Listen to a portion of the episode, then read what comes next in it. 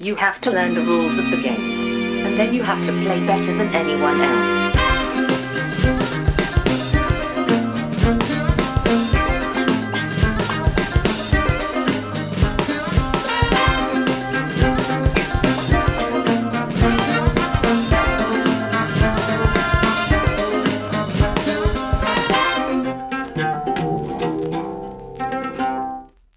Välkomna till Vems turen är mellan turerna, podcasten där vi pratar om spel. Jag heter Marcus Brisman och som vanligt har jag med mig min bäste vän, Gath till min Wayne, Johan Gärderud. Okej. Tjena Brisse. Okej. Hej! Eh, eller jag borde säga Party On. Party on, Brisse. Så säger jag Party on, Johan. Det Ja, låter töntigt när man kör det på svenska, eller när namnen är svenska. ja lite så. Ja. Men eh, det, vi kan ju säga att alltså Garth och Wayne var väl töntar? Jo, det Ja. var de väl. Framförallt Gath. Ja. Det var därför Ja, vi fick honom. tack så jag, mycket. jag ville Ja, vara jag förstår, som är lite coolare. Jag förstår vad som hände cool där. Jag förstår exakt vad som hände där. Ja, Wayne's World då, för de som är, är födda efter 90-talet, eller på säga. Just det. Är det en film som heter Wayne's World vi pratar om? Kan man googla på. Den hade stor impact på eh, popkulturen under eh, dess decennier där det släpptes. Säkert 90-tal va, eller? Ja, det var väl 90-talet. Och den var också väldigt... Eh, hade fått impact av popkultur. Den var ju väldigt popkulturell såklart, ja. och speglande så att säga. Men ja, den, Ja, den var... Det var ju MTV-generationen liksom. Mhm. Ja, hur är läget då? Eh, jo, det är bra med mig. Eh, hur är det med dig? Jo då, det är bra. Det, det är som vanligt. Här är... I coronaland, eller vad? Ja, precis. Jag tänkte ju säga ingen infektion ännu. Så att, eh, peppar peppar. Mm. Ja, vi får ju se. Vi, vi, de här avsnitten spelar vi som vanligt in i förväg då, inte live, som vi har konstaterat ti- tidigare. Men eh, i inspelande stund så har vaccinationerna börjat ganska nyligen, kan vi säga. Så vi får se när, när de kommer till oss, Just det. helt enkelt. Ja, du, ska vi ta och, och bara köra igång med vårt, eh, vår första programpunkt, helt enkelt? Det här är ju lite av ett så här... Eh, en årskrönika. Fast här, inte alls särskilt... Eh, En tillbakablick, kan man säga. Ja, en tillbakablick, på, på, precis, På ja. 2020. årskrönika le- låter lite som så här Agnetas nyårskarameller. Och något sånt har vi ju liksom inte åt er idag. Men, eh, men vi tänkte ändå titta lite på 2020 och hur det har varit eh, i, i, i våran spel... Eh, precis. Mm. Spelkarriär höll jag på att säga, men det är inte riktigt det vi håller på med. Nej, det kan man väl kanske inte kalla det. Men eh, nej, precis. Vi tänkte se tillbaka lite grann på vad vi gjort eh, spelmässigt under eh, 2020.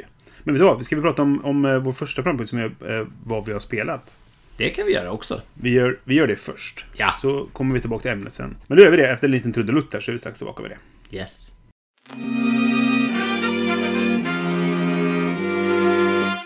Ja, vad har vi spelat sen sist? Har du spelat någonting sen sist Johan? Ja, jodå. Det har jag faktiskt hunnit göra. Ja.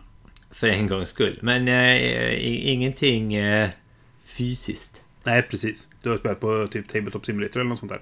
Eller något sånt där. jag har faktiskt spelat... Eh, först och främst jag spe, spelet jag spelat, som jag vill prata om, heter eh, Detective City of Angels. Ja, okej. Men det, det har du väl i fysisk form också? Ah, jo, jo, det har jag ju såklart. Eller såklart. För det säger mer om mig där att... att, att Det, jag såklart, eftersom det är Vincent och Trait Art. Äh, så var det ja, precis. Såklart eftersom det är Vincent Trait Art. Det var också ett litet rim. Tack för det Brisse. Varsågod. Nu, i alla fall, det spelet har jag. Men eh, det var inte jag som, eh, som tog det här initiativet. Ja, Okej. I spelet kan man ju säga då så eh, först är det ju en spelare som är som kallas The Chisel som är liksom eh, Han representerar den undre världen så att säga i Los Angeles på 1930-talet tror jag det är. Och hans uppgift är liksom, eller hennes, är att eh, vilseleda spelarna liksom. Att, att försöka få dem att, att inte lösa fallen. Ja, det, det är lite som en spelledare i rollspel i det att du tar alla roller, men du är också emot de andra spelarna. Precis. Vilket man kan inte är i rollspel då liksom. Men det handlar inte om att, att, att, att liksom gestalta några karaktärer eller någonting sånt där. Utan, Nej, det är sant. eller ja, det kan man kanske göra om man skruvar till det lite. Men, men i alla fall. Ja, varför inte? Det var inte jag som var den rollen. Utan jag var en av de här detektiverna då som ska försöka lösa fallet. Och av någon anledning så åker de här detektiverna runt i Los Angeles och löser fallen helt oberoende av varandra.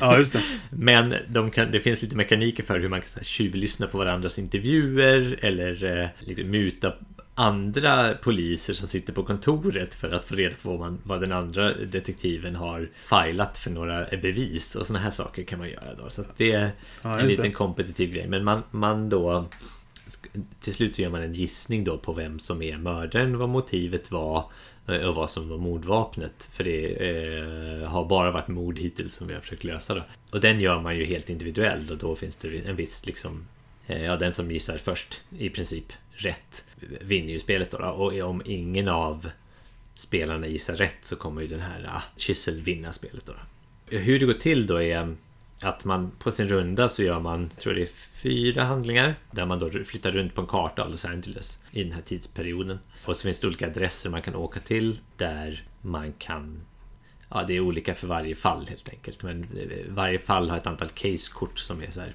antingen uppvända eller att man kan hitta dem någonstans. Och där börjar man liksom och så kan man åka till de här platserna och antingen intervjua misstänkta eller leta efter ledtrådar och så vidare. Och det är de här, man har sina fyra action, ja, poäng, actionpoänger egentligen som man spenderar på att göra de här på sin runda. Mm. Och den kanske viktigaste mekaniken är att när man intervjuar någon då. För då får man Eh, ställa en fråga. Finns det mekanik att säga jag frågar den här personen om det här kortet är det oftast då. Och då sitter den som är kissel och liksom tittar i någon, någon slags schema och, och får en lista över potentiella svar man kan få. Då varav ett är The most viable answer tror jag det heter.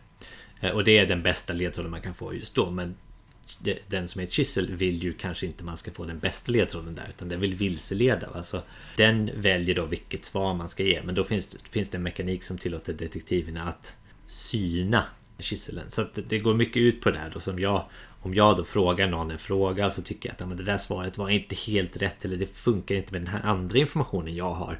Då kan jag säga så här, ja, men jag, jag synar eller jag challengear din, det han sa. I det läget kan de andra spelarna välja att tjuvlyssna. Och, där, och det är där det blir lite så här tens för att då kan man antingen så här eh, få en, en lyckad challenge då och då, säger, då måste Chiselen ge rätt svar. Men om man, han redan har gett svar då får han ett övertag mot mig som gör att jag inte kommer kunna göra det här senare tillfälle då. Och så, så håller man på att rävspela på det där sättet tills, eh, tills man har fått så mycket information och tiden har gått så långt. Man har alltid åtta dagar på ja, Hittills har vi alltid haft åtta dagar på oss att lösa fallen då. Och om man inte har löst det vid den tiden så vinner eh, han som är The Chisel då. Så tar man turns liksom på det där sättet.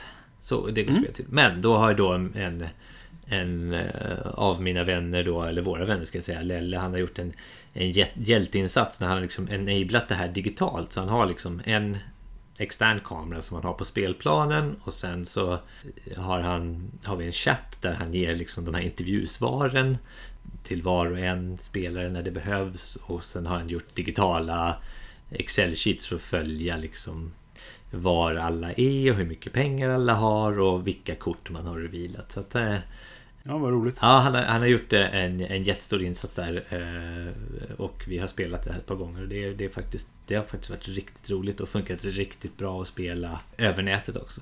Men det är alltså inte då på Tabletop Simulator utan då spelar Nej, vi det. bara via Google Meet och sen har vi en, en, ett chattprogram också. Ja, precis. Ni har spelat den fysiska utgåvan fast över nätet liksom. Precis. Och, Ja, det. och det jag hade nytta av då, eller jag vet inte, jag har inte vunnit någon av gångerna. Men, men det jag Mm. hade nytta av var att jag har ju spelplanen framför mig, den fysiska spelplanen framför mig. Så den kan jag titta Ja, på istället för att sitta och plira på, på skärmen i en Ja, halvkass mycket upplösning. ja. liksom. Mhm. Så det har jag spelat och det har varit riktigt roligt. Jag Mm. eh, måste nog säga att det har varit en ganska perfekt sak att hålla kontakten med och, och dessutom få en spelupplevelse under, under Mm. den här tiden då när man när rekommendationerna säger att man inte bör träffas. Liksom. Så, Nej, men precis. Ja. mm, Jag alltså har det- spelat det en gång för länge sedan när det kom precis. Första tryckningen eller vad man ska säga. Ja, Så, så spelade vi det en gång tror jag. Och så tror jag... Undrar om man spelar en gång solo också möjligtvis. ja, man kan ju spela det går att spela precis. solo och du kan spela hel co-op och du kan spela co-op poliserna mot Kissel också. Så det finns flera olika sätt att spela det på. Jag tror att regelmässigt och mekaniskt, spelmekaniskt så tror jag det funkar bäst att spela så som ni gjorde. Mm. Fast fluffmässigt funkar det kanske sämst. Varför samarbetar bara inte poliserna liksom? Nej, Eh, precis. Exakt. Men jag tror det funkar bäst på det sättet just med det här man kan tjuvlyssna på varandra och man kan muta och sånt liksom. Ja, precis. Ja, det är en viktig del av spelet, tycker jag. Mm. Då, för man har ju ett visst antal resurser och man har sina egna ledtrådar. Så man blir, det blir lite liksom tjuv och rackarspel om dem. Så här. Sen finns det en Ja, me- precis. mekanik så här, om jag är min detektiv är på samma ruta som din detektiv. Då kan jag eh, betala dig pengar för att få titta på ett av de korten du har sett. Liksom. Och det, det brukar vi säga som att då möts de liksom på en bar och dricker varandra fulla. Men det, man får liksom fluffa till det lite så att det, det, det funkar på något vis. Då. Men, men du har rätt, är så här, den, den här premissen är att varför samarbetar de bara inte? Liksom, Nej, varför precis. finns den här, den här konflikten inom LAPD eller vad det nu är som eh, Ja. där man liksom vill bli Det är väl egentligen att man vill bli eh, Kanske kalif istället för kalifen ja. Ja, det kan ju vara det. Eller att det liksom bara handlar om prestige helt enkelt. Att jag är fan den bästa polisen här. Ja, jo Då kan man bli, säkert bli, bli befordrad och bli polischef eller så här. Så det kanske är så enkelt då egentligen. Ja, Men så är det är det så här, vi ska ju ändå lösa mordet. Kan vi inte koncentrera oss på det liksom? Men Det finns säkert en det kanske är, förklaring det kanske är modernt att tänka så. Förlåt, det är modernt att, tänk, att vara själv, själv jobba bara Nej, tvärtom. själv. Att det Jaha. kanske är modernt att tänka att vi borde bara samarbeta för att fånga tjuven liksom. Ja, Alltså, kanske det. Kanske det var Kanske så var på den stil. tiden att, Ja, att, vet att inte. eh, sherifferna, nu ska du höra, detektiverna var liksom ganska själviska och tänkte på sitt eget rykte och ville vara liksom Det passar väl ganska bra om man tänker på Alltså som eh, noir-genren liksom. Där, där liksom snutar är korrupta och liksom det finns privatdetektiver och, och de alla jobbar för sin egen vinning i första hand liksom och sådär. Då kanske det, det funkar liksom, tematiskt. Ja, det är ju definitivt ett noir Det är definitivt Mm. den genren liksom och det är det, det, den eh, genren som det är helt inspirerat av så att ja Jo, precis. Ja, i alla fall Ja, nej, men det, jag är sugen på att testa det mer för Mm. att eh, jag tyckte det var... Jag fick inte riktigt känslan för det då och de andra två som vi spelade, det var jag och Anders och Josefin som spelade tror jag. Och de var inte så förtjusta. Eh, då drogs liksom min upplevelse ner lite grann av deras eh, åsikter liksom sådär.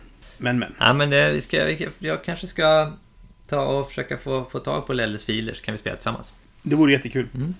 Nåväl, vad har du spelat? Ja, jag har ju också spelat lite så här på Tabletop Simulator och sånt. Eller också, det, var inte, det hade inte du gjort men... Eh, Ja, det har jag också gjort men det var det här spelet Ja, jag jag, valde för... vi har ju spelat tillsammans till och med på, på ja, TTS. ja, ja, verkligen Men jag har spelat lite där. Vi spelade ju bland annat eh, mitt favoritspel, and Clark. Ja, du, Eh, nej, vi tag spelade inte det på Tabletop Simulator. Det spelade vi på... Nej, det var på Board Game Arena. Just det. Men i vilket fall, vi, vi, vi, har spelat lite sånt. Men det jag har spelat nästan mest nu över jul och sådär, förutom Cyberpunk 2077, det är Slay the Spire. Just det, ja.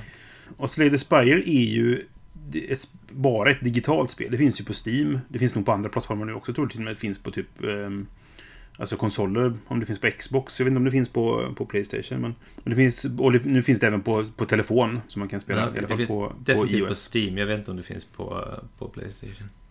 Ja, det är Steam jag börjar spela på. Jag föredrar egentligen att spela på Steam. Jag spelar på telefonen ibland för att... Ja, jag orkar inte sitta vid datorn, men, men eh, jag spelar hellre på datorn för det är lite större skärm och lite sådär. Och där finns även achievements, vilket kan vara lite roligt om man låser upp sådana saker. Man, som har man saker att sträva efter när man spelat ganska många timmar som jag har gjort nu då. Hur som helst, jag, jag, bruk, jag gillar att spela på datorn. Ehm, det är det jag har spelat mest, Slay Spire egentligen. Och vad det är, det är ett digitalt lekbyggarspel kan man säga egentligen. Du spelar en, en karaktär som har en, en lek som med ja, kort helt enkelt. Eh, Det finns eh, fyra karaktärer att välja på. Du har, det, settingen är jävligt skum alltså.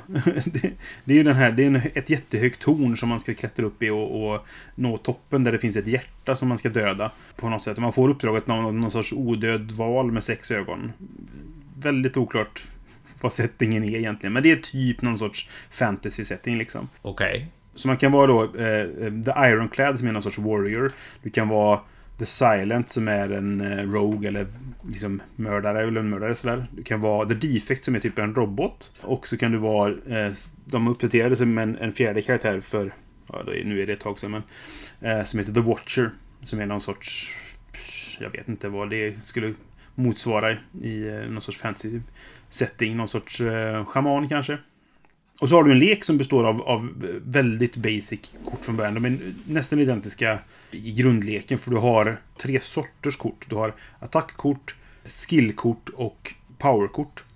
Och som, som eh, skillkortet så finns det då försvarskort. Alltså du, du bygger upp eh, blockvärde om man säger så. Och sen powerkorten är, är de, de spelar man och så har de en permanent effekt. Men går ur leken tills rundan är slut så att säga då. Mm. För vad som händer är att man går upp steg i den här Spire då, alltså tornet. Och i varje rum, så, eh, eller de flesta rum, så finns det monster man slåss mot helt enkelt. Och då har de hitpoints och du har hitpoints. Och eh, om dina hitpoints når noll så är du spelslut. Då får du börja om från början. Med helt nya förutsättningar så att säga, ny lek. Men om du dödar monstret då så får du eh, kort som belöning, du kan få potions som du kan ha olika effekter av, du kan få artefakter som också har olika effekter. Och det jag gillar mycket med det, det är att det är ju lekbyggandet. Fast man slipper hålla på och blanda och grejer, utan det där sköter sig av sig självt liksom. Mm. Du kan uppgradera korten också så de blir bättre. Det finns så mycket kombos. Liksom. Vilka kort funkar med, med varandra? Vilka kort funkar väldigt bra om jag har den här artefakten också till exempel och sådana saker. Ja. Och så finns det då fyra olika karaktärer som, som funkar ganska olika i hur de, deras spelstil. För som sagt, eh, lekarna är identiska nästan. De, jag tror de är på typ kan det vara 12 kort. Varav 10 av dem är samma. Alltså det är eh, fem attackkort, fem försvarskort. Och sen har du två alternativa kort. Som är det som gör karaktären unik då. Och sen har alla en speciell förmåga från början som är deras grej liksom. Ironkläden läker till exempel. Defekten har orbs som den kan ladda med olika saker. Som gör att den skjuter blixtar eller får försvar och sånt. Så den har en, en liksom passiv effekt som händer hela tiden. Då. Och sen så ska man klättra upp som sagt till toppen då och slåss mot bossen. Och om du lyckas samla på dig finns tre stycken, vad är det, shards eller någonting heter det, jag kommer inte ihåg riktigt. Då får du slåss mot nästa boss som är själva hjärtat då, som är jättesvårt. Lyckas du med det så har du lyckats med en ascension. Och så finns det 20 ascension-nivåer tror jag när du klarat det och så vidare. Eh, Jag tror jag är på fem. nu var det ett tag sedan jag spelade. Men jag fick lite nytändning. När det kom på telefonen så tyckte jag det var kul att spela igen. Men då sen när nytändningen kommit så satt jag mig och spelade på datorn hela, i, i, igen då sådär. Så Ja. nu är det länge sedan jag spelade. Apropå Ascension så låter ju det lite som spelet Ascension som du och jag spelade på, Ja. på telefonen för ett herrans massa år sedan. Men det är ju också ett, ett eller det är också ska jag inte säga för det, det kommer vi till. Men det är ju ett spel som, det är ju ett, det är ju ett samlarkortspel eller living card Mm. game kanske till och med. Som de har digitaliserat till, till, till bra effekt liksom. Ja, precis. Och det var ganska tidigt på telefon, brädspel på telefonen-marknaden, känns det som. Jag tror att det kom ungefär samtidigt som Hearthstone. Så typ alla som Ja, inte tror- tror köpte det. in sig på Hearthstone kunde ju spela det. Jag vet Men inte. Ascension Ja, måste ha funnits länge, långt före Hearthstone. Jag är inte helt hundra på de här säkerna. Nej, inte jag heller. Ja. Jag, jag, tror att eh, Ascension, när vi spelade på telefonen, det var, det var ganska tidigt när man hade en, en smartphone liksom. Ja, fast man måste ändå haft en som varit hygglig. Det måste ju varit på iPhone-tiden i alla fall. Ja, ja, det var en smartphone. Det var inte en, någon gammal flipphone Nej. som man spelade på. Men eh, nej, men jag vet inte. Jag, jag har också dålig koll på exakta datum och sådär. Men, men jag tror det var för Hearthstone i alla fall. I alla fall, är det någon skillnad? Eller eh, förlåt, är det någon likhet? Eh, Mellan Ascension och, och Slay the Spire? Ja. Ja, nej, det skulle jag inte säga. Eh, alltså, det, jag kollade lite grann i förväg och det, det klassas som en roguelike. Men jag har alltid, aldrig riktigt fattat vad en roguelike är. Jag är inte så insatt i det där exakta betydelsen. Är det en dataspelsterm nu då? För då, då, kan, Ja, då kan vi ju inte den. Nej, men det är ganska mycket en blandning mellan dataspel och brädspel egentligen. För det, det finns mycket samlarkortsmekaniker, just det, eller lekbyggemekaniker. Att du kan byta ut, du kan ta bort kort ur leken, du kan... Eh, du väljer vilka kort du vill ha i leken och sådana saker. Mm. Så det finns en hel del likheter där, men, men det, det känns ju som att det, de, de utnyttjar att det är digitalt också för att göra vissa saker. Men det som är kul, som jag tror du var inne på lite grann, där, det ska ju komma en fysisk version av det här spelet. Yes, precis. Jag hade ju valt att prata om detta före vi, jag fick den nyheten. Jaha, okej. Så att jag tänkte, ja, men då passar det ju bra, då kan jag prata om det. ja. Och jag, jag är så här, jag är jättenyfiken på den fysiska versionen av Slay the Spire. Men jag, jag är också tveksam till hur de kan lösa vissa saker, om det kommer få samma känsla liksom. Mm. Det är en jäkligt intressant idé alltså att, Ja, det är att det. man har ett dataspel som bygger på brädspelsmekaniker som man Mm. sen översätter till ett fysiskt brädspel. Mm.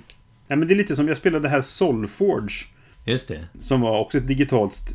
Men det var faktiskt ett samlarkortspel. För det, där, där öppnade booster packs och sådana saker. Det Ja. var ju Richard Garfield som uppfann det där. Eh, tillsammans, det var faktiskt samma folk som gjorde Ascension. Eh, det. Stoneblade det, hette de väl det, just det. så småningom. Och det tyckte jag var kul, för de utnyttjar ju att du kunde uppgradera kort och sådana saker. För att du kunde göra saker digitalt som är svårt att göra fysiskt liksom. Och det är det jag funderar på hur de kommer lösa då. Även med Slay the Spire. Mm. Eh, I det spelet så, så förändrades det kanske mer än vad det gör i Slay the Spire då. Men ja, vi får se. Jag, jag, är, fort, jag är väldigt nyfiken på vad det kommer bli. Så du menar att eh, Richard Garfield har gjort ett spel som heter Soulforge och sen gjorde han ett spel som heter Keyforge? Ja, så är det. Där ser man. Man behöver inte ha fantasi med namnen om man har fantasi med spelmekaniken. nej, det är faktiskt helt rätt. Det är helt rätt, ja. Jag, jag, jag gillar verkligen Slay the Spire. Jag kan Ja. verkligen rekommendera det. det. Jag gillar också alltså sti, estetiken och den, den weird-känslan som är. Alltså det här just med att vem är det man får uppdraget av egentligen och vad, vad är det som händer? Och så det, det finns flera... eh, Alla ställen är så sagt inte monster och alla monstren är jättekonstiga. Det är inte liksom så här vanliga orcher och sånt man slåss mot. Utan det är väldigt udda eh, varelser man stöter på. Jag menar om du, får, om du får lite uppdrag av en val med sex ögon så startar det väl redan där. Ja, men lite så. Det, det börjar redan där så. Och sen så är det liksom så här, du får vissa encounters som inte är strider då, som också är bara så här, det är mycket weird. Och jag gillar den känslan. Jag tycker det är väldigt kul i det spelet.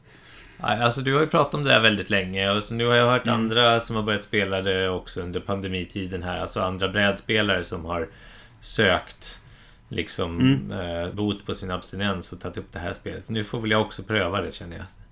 Ja. Det finns liksom inga ursäkter. Jag har ju bekanta som spelar det här mycket mer än jag. eh, Ja. Och som är antagligen oändligt mycket bättre än jag. En, en bekant som heter Simon Svensson som, som har lyckats, tror jag, ta Ascension 20 på alla karaktärerna. Eller han skrev, eller 10 kanske det. Det kanske är 10 Ascension-nivå. Skitsamma. Han hade lyckats med den, eh, här, efter mycket arbete så hade han lyckats med den sista Ascension-nivån då. De blir ju svårare för varje nivå såklart. Mm. Och jag bara, jag, jag har svårt att komma förbi 5. Liksom. Jättesvårt att komma förbi 5.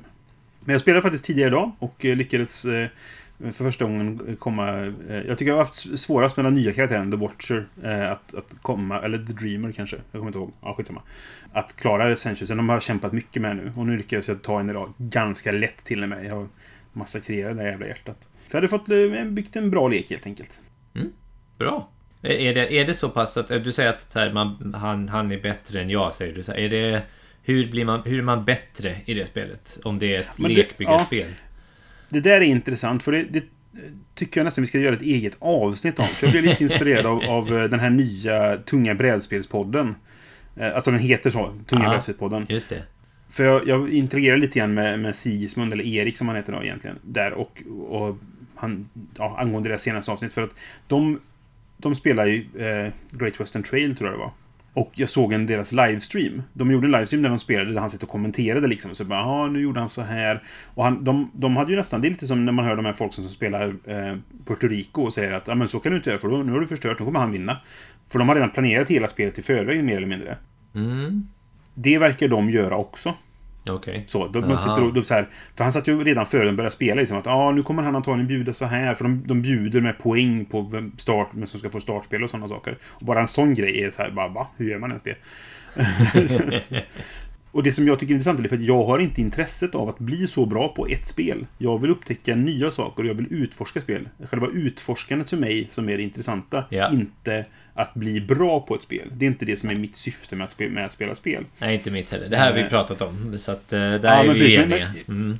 Men jag tror vi kan, man det, det skulle vara intressant att prata om detta lite mer, så vi ska inte gå in på för mycket detaljer nu. Men det, det du gör, i, de har ju nött the Spire, alltså spelat det så mycket så att de har lyckats verkligen förfina det. För jag läste, han skrev det han, som en tråd då, när han, eh, på Facebook så att nu, nu har jag äntligen lyckats med den här Ascension. Och då var det andra som kom in och typ så ah, vänta nu, hur gjorde du då? Bara, men jag gjorde så här och så här. Och jag bara, jag, jag förstår nästan inte ens, för jag har inte liksom memorerat vad korten heter kanske på det sätt som han har gjort dem. Ja, jag, okej. jag hade svårt att ens förstå hur hans taktik funkade liksom.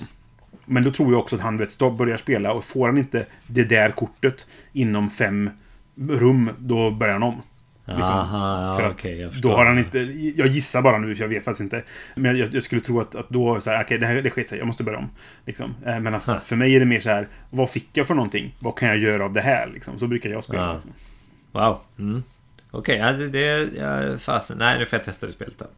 Men jag har ändå spelat eh, 350 timmar. så att jag, jag har nött Okej, en del ja. också. Men jag menar, Simon är säkert uppe i tusentals timmar. Jag vet inte. Men, men liksom sådär. Ja, men jag, jag, jag gillar det. Och det, jag gillar mycket för det här eh, experimenterandet och utforskandet. Liksom. Vad kan jag göra? Vad, vad, vad finns det här? Liksom. Det var väldigt roligt när det kom en ny karaktär. För då fanns det nya saker att utforska. Liksom. Mm, mm, jag kan förstå. Och har de bara fyra karaktärer så kan man ju tänka sig att eh, när eh, intresset dalar lite så släpper de bara en ny karaktär så har de Det kan de väl göra. Ja. För mig är det lite så här, när, när det börjar dala för mig så byter jag karaktär. Ja, men nu Ja. spelar jag Mario-kläderna eh, liksom ett gäng gånger och sen bara, nej men nu börjar, bli, nu börjar jag tröttna på det här spelet. Nej, vänta nu, jag kanske ska ta det silent en stund då liksom. Jaha, så det räcker med fyra för dig? Ja, det, det är ju kul när det kommer Till en och med efter står- 350 timmar så känner du att det finns nog med spel där liksom fortfarande? Ja, ja, jag, jag är fortfarande sugen på att spela mer. Det där Ja. är mitt sånt där. För det går att spela en stund och sen kan man s- spara sin, sin fram, eller hur långt man har kommit och så fortsätter man senare liksom. Ja, Så okej. att det där är en sån som en grej jag gör när jag har lite stund över. Huh. Så kan jag gå in och, och köra några, några dr- drag liksom. Okej. Ja, men Ja. Eh, nog om det. Nu har vi pratat en halvtimme om Ja. spel vi har spelat. Ja, det är fantastiskt att vi kan göra det ens. Mhm. Ja, Så är det. Men det är ju det vi gör. Ja, precis. Det är ju det podden går ut på. Så att, eh, det får man stå ut med. Annars kan man sluta lyssna. Jag hade tänkt att det här skulle vara ett lite kortare avsnitt. Eh, är men skit sig. det kommer det nog inte bli. Nej, det tror jag inte. Men vet du vad? Vi går vidare till nästa programpunkt så får vi lite tempo i alla fall. Let's. Då kommer eh, trudelutten här. Som vi nämnde före vi började prata om vad vi har spelat så ska vi prata lite grann om spelåret 2020 för oss. Kan man väl sätta som inom parentes då. Det vill säga undertitel som de hade på eh, låtar förr i tiden. Eller det kanske de var fortfarande. Men det, var, det känns som det var mer förr i tiden. Vadå? För oss? Ja men, eh, ja, men för oss. Det, är- alltså så här, för, men, det är ju våran upplevelse av spelåret såklart. 2020 vi kommer prata om. Ja, ja. Ja, alltså jag tror inte att den här observationen som vi kommer göra nu kommer vara på något sätt objek- objektiv. Eh, nej, särskilt nej, men verkligen all, inte. Allt spelande har typ hänt i ens arbetsrum. Så att, eh, ja. Mm. Jo, men så är det ju. 2020 har ju efter någon gång i, i eh, var det april som det blev riktigt illa? Eller när var det? Det var mars Det började- först då, då och sen blev Mars, det väl ja. lite lättare under sommaren och sen så smällde Ja. det till igen. Jo, och det, så det har ju präglats väldigt mycket av, av coronapandemin då helt enkelt. Mm. Du stängde in dig rätt tidigt va? Du Ja. slutade spela fysiskt redan i mars där. Ja, precis. Det där, alltså sen förra november då, november 2019 när min son föddes. Så typ stängde jag in mig av den anledningen. det Jo, blev inte jo, mycket det- fysiskt visst, spel då. ni- Du var redan lite så he- hemmastad vid det laget så att säga. Men Precis, men så hade jag väl ett par tillfällen under eh, januari, februari och mars som jag faktiskt fick spela lite fysiskt spel innan, innan som sagt vi blev hemskickade från jobbet och, och Mm. rekommendationerna sa typ så här, stanna hemma om du kan. du har inte spelat fysiskt med någon annan än din fru sedan dess? Nej, precis. Jag har, jag har eh, kanske två fysiska sessioner det här året. Som inte var med bara min fru. Ja. 2020. Ja, Eller inte det här året, det blir 2000, förra året. Ja, men precis. Ja, förra året är det väl vi pratar om. Men Just det. Ja. Men vad jag ville säga, vad jag vill säga det beror både på att, på att jag har tagit ganska bokstavligt på, på rekommendationerna. Men också Mm. på att jag har en liten knatte som behöver tas hand om. Och inte tillåter så mycket fritid då, som jag kanske var van vid. Nej, precis. Jag ska ju väl tillägga att jag har också följt rekommendationerna som har varit rådande då under året. Så jag, jag har träffat de som är, har ingått i min vanliga spelgrupp så att säga. Jag har fortfarande gått till jobbet eh, under ganska lång tid. Mm. Så att vi, jag spelade fysiskt även eh, ja, till efter sommaren ungefär någon gång. Sen började jag jobba hemifrån och då slutade jag även spela fysiskt. Då gick jag över till, till mer digitalt spelande helt enkelt. Mm. Så jag, jag har hållit på med det fysiska spelandet lite längre, än- eller betydligt längre än vad du gjorde. Men du har ju haft den här inre cirkeln av så att säga eh, Ja, precis. Spelare och så har du spelat hemma hos dig också liksom varje gång va? Ja. Nästan. Ja, jo, men, ja, nästan uteslutande. Vi var hos Johan någon gång vet jag. Mm. Men, sådär, så att, eh, men, men sen när de skärpte mer då, då, då såg jag ju till att sluta med det. Liksom, så att eh, abstinensen efter att spela fysiskt med någon, den är rätt stor nu. Ja. Jag tycker att Ja, Tabletop Simulator och liknande, det är ett substitut, men det är bara ett okej substitut. Det är inte riktigt samma sak. Ja, Liksom. precis. Jag har ju inte direkt samma spelmiljö som dig. Jag spelar ju väldigt sällan hemma hos mig. Jag brukar, vi brukar träffas typ på puben. Eh, och sitta och spela i något hörn. Eller hemma hos någon och då är det någon olika varje gång. Och så måste man Mm. åka genom halva stan för att komma dit. Eh, och det är det, det beteendet som jag... Alltså egentligen så slutade jag åka tunnelbana. Just det. Eh, och buss. Och då kommer man liksom ingen vart. Nej. Ja, Nej, man, kan det ju, man kan ju köra bil och så, men eh, ja. Eh, Du förstår, det, det var många liksom, Ja. faktorer där som blev till ett... ett eh, Men det, det, det beror ju mycket på att kombinationen av att med litet barn plus pandemi. Då blev det ju att du inte åker hemifrån så ofta liksom. Jag har ju en fyraåring så jag har ju kunnat röra mig. Hon går ju fortfarande på förskolan till exempel. ja, precis. Eh, och har gjort under hela tiden. Så att vi, jag har ju varit friare på det sättet liksom. Eh, så därför så förändrades mitt liv inte så mycket förrän ja, andra halvåret eh, 2020 egentligen. Ja, det blev mycket större förändring. Det var, det var naturligtvis en hel del förändring för det, men den blev mycket större under andra halvåret. Mm. Nå, som sagt, då, Tabletop Simulator, vad heter det, Tabletopia, Board Game Arena. Det finns säkert andra också som jag glömmer bort nu. Det finns ju, har ju funnits lite alternativ till det och det känns som att det har verkligen blommat upp nu. Eh, och blivit en grej. Alla spelar sådär för att det är det sättet man kan spela på liksom. Ja, precis. Om man inte är så innovativ som, som den här, min polare som jag tidigare nämnde. Mm. Nej, men det, det är ju helt klart att det har... De här plattformarna har ju... Det är inte som att de inte har funnits där innan liksom. Men de har ju verkligen blommat upp nu och det, det är ju så här... Jag kan, när jag började titta på Tabletop Simulator i... Ja, det måste ju varit där mars, april någon gång liksom. Då fanns det Mm. ju sådär bra urval tyckte jag. Men nu... Ja, det, det har verkligen blivit bättre. Går jag dit nu, då är det som fanns där då, det är skriptat helt så att det är liksom så här Mm. eh, mycket enkelt att spela det. Plus att det är nästan, jag vet inte. Jag har inte... Om jag har sökt har jag alltid hittat antingen i den här workshopen eller som eh, en, en riktig modul, det spelet jag har letat efter. Liksom. Jag har gjort några sökningar och inte funnit. Men det har varit lite Ja, obskyrare Lewis spel har Clark kanske. Lewis and Clark, det hittade vi på... Eh, Ja, det tror jag finns på, på Tabletop Simulator också. Aha. Nej, det här var saker som jag fått skickat eh, långt tidigare under året av, från eh, Asmodee Nordics. ja, Som jag tänkte att jag, jag skulle kunna spela det där så Ja. jag kan recensera det sen. Alltså, jag har ju den fysiska kopian framför mig liksom. Men jag skulle kunna Ja. spela det där bara för att faktiskt få gjort någonting. För jag, har inte, jag kan ju inte recensera saker längre. Mer eller mindre för att jag kan inte spela dem. Mer Nej, precis. Möjligtvis då på Tabletop Simulator. Så att allt, allt finns inte TM, men, men väldigt mycket finns. Liksom. Men det tycker jag är en liten, liten rolig grej då. Om vi nu går vidare lite i programmet så sa vi så här. Om vi ska ta ut våra tre bästa spel under Mm. 2020 till det här Ja, som är släppta 2020 har vi till och med begränsat det till. Ja, precis. Det kan Mm. jag ju tycka att eh, i efterhand så eh, var, var det lite puckat. Men eh, nu Ja, men, gjorde vi förlåt, så. Nu, nu avbryter jag dig. Måste bara säga, för vi gjorde ju en årskrönika på, på Mindy bräd och rollspelspodd också. Just det. Och där satte vi premissen istället. Eh, det bästa spelet som jag har spelat för första gången under 2020. ja. Men jag tycker det är lite mesigt för då kan man spela, då kan jag säga schack. Ifall det var så att jag spelade schack för första gången 2020. Och det känns lite konstigt. Så jag, jag, nu tyckte jag att jag vill ha begränsningen att det ska vara släppt under året. Ja. Och så får vi se vad det leder till. Jag lyckades ju hitta, jag har spelat 12 spel från i år tror jag. ja. Eh, Så jag kunde göra en topplista. Men hur var det för dig? Ja, Jag har en jäkligt intressant lista. Så jag, jag spelade väldigt många spel eh, i år som jag trodde var från 2020 men som visade sig vara från 2019.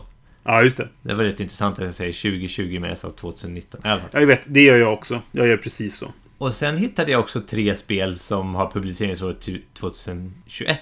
Ja.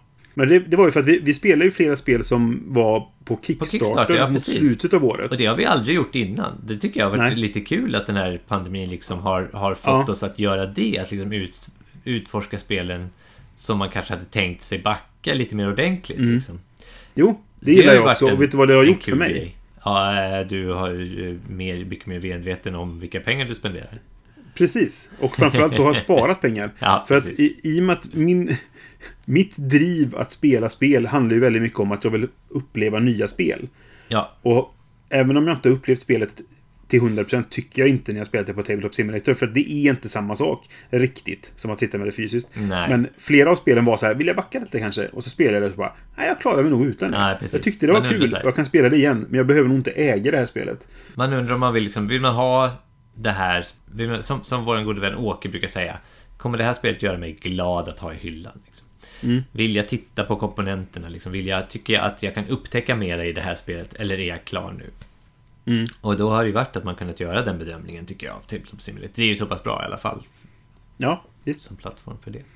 Den stora nackdelen med det tycker jag är att det, det tar lång tid att spela. Det tar längre tid att spela ett spel där än vad det tar i, i fysiskt i verkligheten. Liksom, för det är så pilligt bara. Liksom. Jo, precis. Det gör det. Det håller jag med om. Nåväl i alla fall, alltså för, för att avsluta min eh, lista där då. Så jag hade som sagt tre spel som var 2021. Och sen har jag då också tre spel som är 2020. Så min topp tre blir de tre spelen. Mm.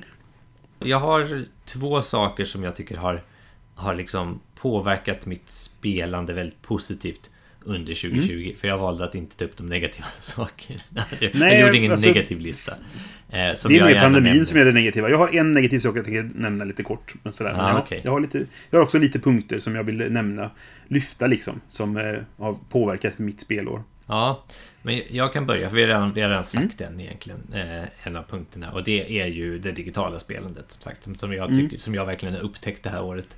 Alla som har tittat har väl upptäckt det. Och det fanns ju där hela tiden. Och just att man kan göra de sakerna som vi har sagt nu. Att man kan...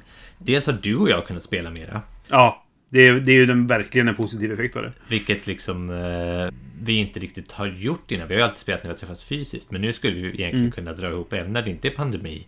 Och liksom Ja. spela någonting bara du och jag en kväll eftersom vi har och är bekväma med tekniken. Så det har ju varit bra. Och- så en andra aspekten av det är ju som sagt att om vi har börjat titta på spel som faktiskt inte är utgivna ännu utan man kan liksom provspela och där, där, där man har gjort en ansträngning från utgivaren att liksom eh, konvertera det till Tabletop Simulator så folk ska kunna använda det på det sättet. Mm. Och den andra grejen jag ville ta upp det är ju att vi har gjort den här podden. För den började vi med tidigt 2020. Alltså nu pratar vi om, vi har ju hållit på med Vems tur är det ganska länge men just mellan turerna som Mellan jag turerna. Ja. eh, har kört nu då. Det har varit kul och vi har faktiskt kunnat hålla uppe ett någorlunda tempo i det. Det tycker jag har varit roligt. Mm. Och då har vi fått umgåtts mer också. Så det är ju kul. ja, men precis. Det är bara bra saker. Ja, nej, men så de sakerna vill jag lyfta från 2020. Mm. Ja, men det är jättebra. Andra saker som jag tänkte på då, det är att som en, en, ett bemötande, det var väldigt mycket i början på pandemin så att säga. Då, alltså när, när det blev lockdown i olika länder och, och det var så här, folk verkligen så här, okej, vi måste undvika varandra. Sen släppte folk lite grann på det och så blev det andra vågen och hej och hå. då, va? Men eh, någonting som hände var ju att det var väldigt många eh, spelutgivare och företag och så där som tyckte att okej, men nu folk ska spela hemma, då hjälper vi till med det. Och folk, de släppte liksom, ja men gratis content, eller vad ska man säga? Som var så här typ, här är ett scenario till det här spelet som du kanske redan har. Du kan nu få lite mer tid med det, eller? Precis, eller det var något som släpptes så här, typ så här, här spelar du det här spelet online. Ja, precis. Alltså, eller typ. här har du en print and play på det här spelet. Oftast en nerbantad version, men ändå typ helt gratis. Ett spel du kan spela. Och det finns väl naturligtvis då kanske någon sorts baktanke med att sen kanske du köper det liksom. Men de släpper det ju ändå helt gratis. Och det var sätt att, att ja, men sysselsätta folk som kanske helt plötsligt var tvungna att isolera sig som de inte... Det, fanns inte, det var inte så lång förberedelsetid på det där liksom. Och det är jättepositivt. Ja. Och som en, en parallell till det då, eller man ska säga, så är, var det ju ganska må- många brädspelsfolk som började streama saker. Mycket mer än vad de hade gjort tidigare. På Twitch till exempel, framförallt på Twitch kanske. Men som började göra saker där för att återigen sysselsätta folk. Få folk att liksom umgås så gott det gick över nätet liksom. Mm. Ja, men så som vi har gjort nu då via Tabletop Simulator. Fast man, de spelade live saker och folk kunde vara med och delta och sånt. Dave Lusa till exempel, som är eh, en del av, av eh, This Game Is Broken till exempel. Han, han, jag vet inte om han gör det fortfarande, för jag, jag följer det inte för att jag har inte riktigt tid till det. Men, men i början i alla fall, och till väl i alla fall nyligen, så streamar han ju varje kväll på Twitch. Oj. Eh, I något han kallar för Lusa Palusa då, tillsammans med sin fru och ibland sin son då. För att, alltså, han hade väl fördelen att eh, hela familjen kunde engagera sig i det där. Och då kunde de umgås i familjen samtidigt som de fick umgås med andra människor då. Bröderna Murph, eh, som också är en del av den, samma podcast då, de gjorde också någon sån här... De, de streamade redan på Twitch, men de började göra det mer, helt enkelt. Och nu, nu- är det bara, nämner jag bara folk från den här podcasten, för Paula Deming och Matt Jude har ju börjat göra det tillsammans då på Borgim Geeks kanal Mhm och, och spela mot varandra, tvåspelarspel då, som de streamar och så vidare. Så, och det är många fler som gjort mer saker också. Vad är det Bess heter nu? Games by Bess, tror jag hon heter. Har börjat göra så här live-grejer. Ben, ben Maddox började släppa, alltså spela in mer saker. Eh, som han släppte liksom intervjuer med folk som var just där att de pratade om spelande under pandemin och sådana saker. Mm. Det, jag tyck, det känns som att en del av det där har börjat klinga av lite grann nu, för folk börjar bli lite trötta på att så här, jag orkar inte längre, jag vill bara vara i fred. så liksom. Men det var väldigt mycket sånt i början och det, jag tror att det liksom gjorde att, att hobbyn hölls vid liv på något sätt ändå. Eh, på ett, mer än vad det kanske hade gjort ifall det bara blivit total nedstängning, om man säger så. Och det, det jag gillar med det är just det här att folk gör det där helt utan ersättning mer eller mindre. Bara, Ja. bara för att det Ja, är ja, kul visst, och för att precis. kunna bjuda till sina liksom, medspelare. Sådär. Jag, jag tycker det är väldigt fint. Ja, nej men det är, man kan säga att hobbyn har i alla fall utvecklats på intressanta sätt nu då under, Mm. under pandemin. Jag Ja, har verkligen. en liten grej till också. Som överraskade mig mer positivt än jag trodde det skulle kunna. Och det Okej. var mm, Essen. Okej. För jag tyckte att det var lite så här... De hade en webbsida som öppnade liksom på mässans öppningsdatum. Och där kunde man gå runt i olika då virtuella hallar och titta på utgivarnas Kunde man? typ bås. Ja, jag tyckte att det- jag fick den känslan i alla fall. Gjorde du det? Eller? Ja, det gjorde jag. Okej. Eh, För jag tyckte, det, det var min enda negativa punkt. Jag tyckte Jaha. stil var piss. Förlåt, men det, jag tyckte det var riktigt dåligt. jag tittade alltså- inte på några av eh, deras sändningar, det gjorde jag inte.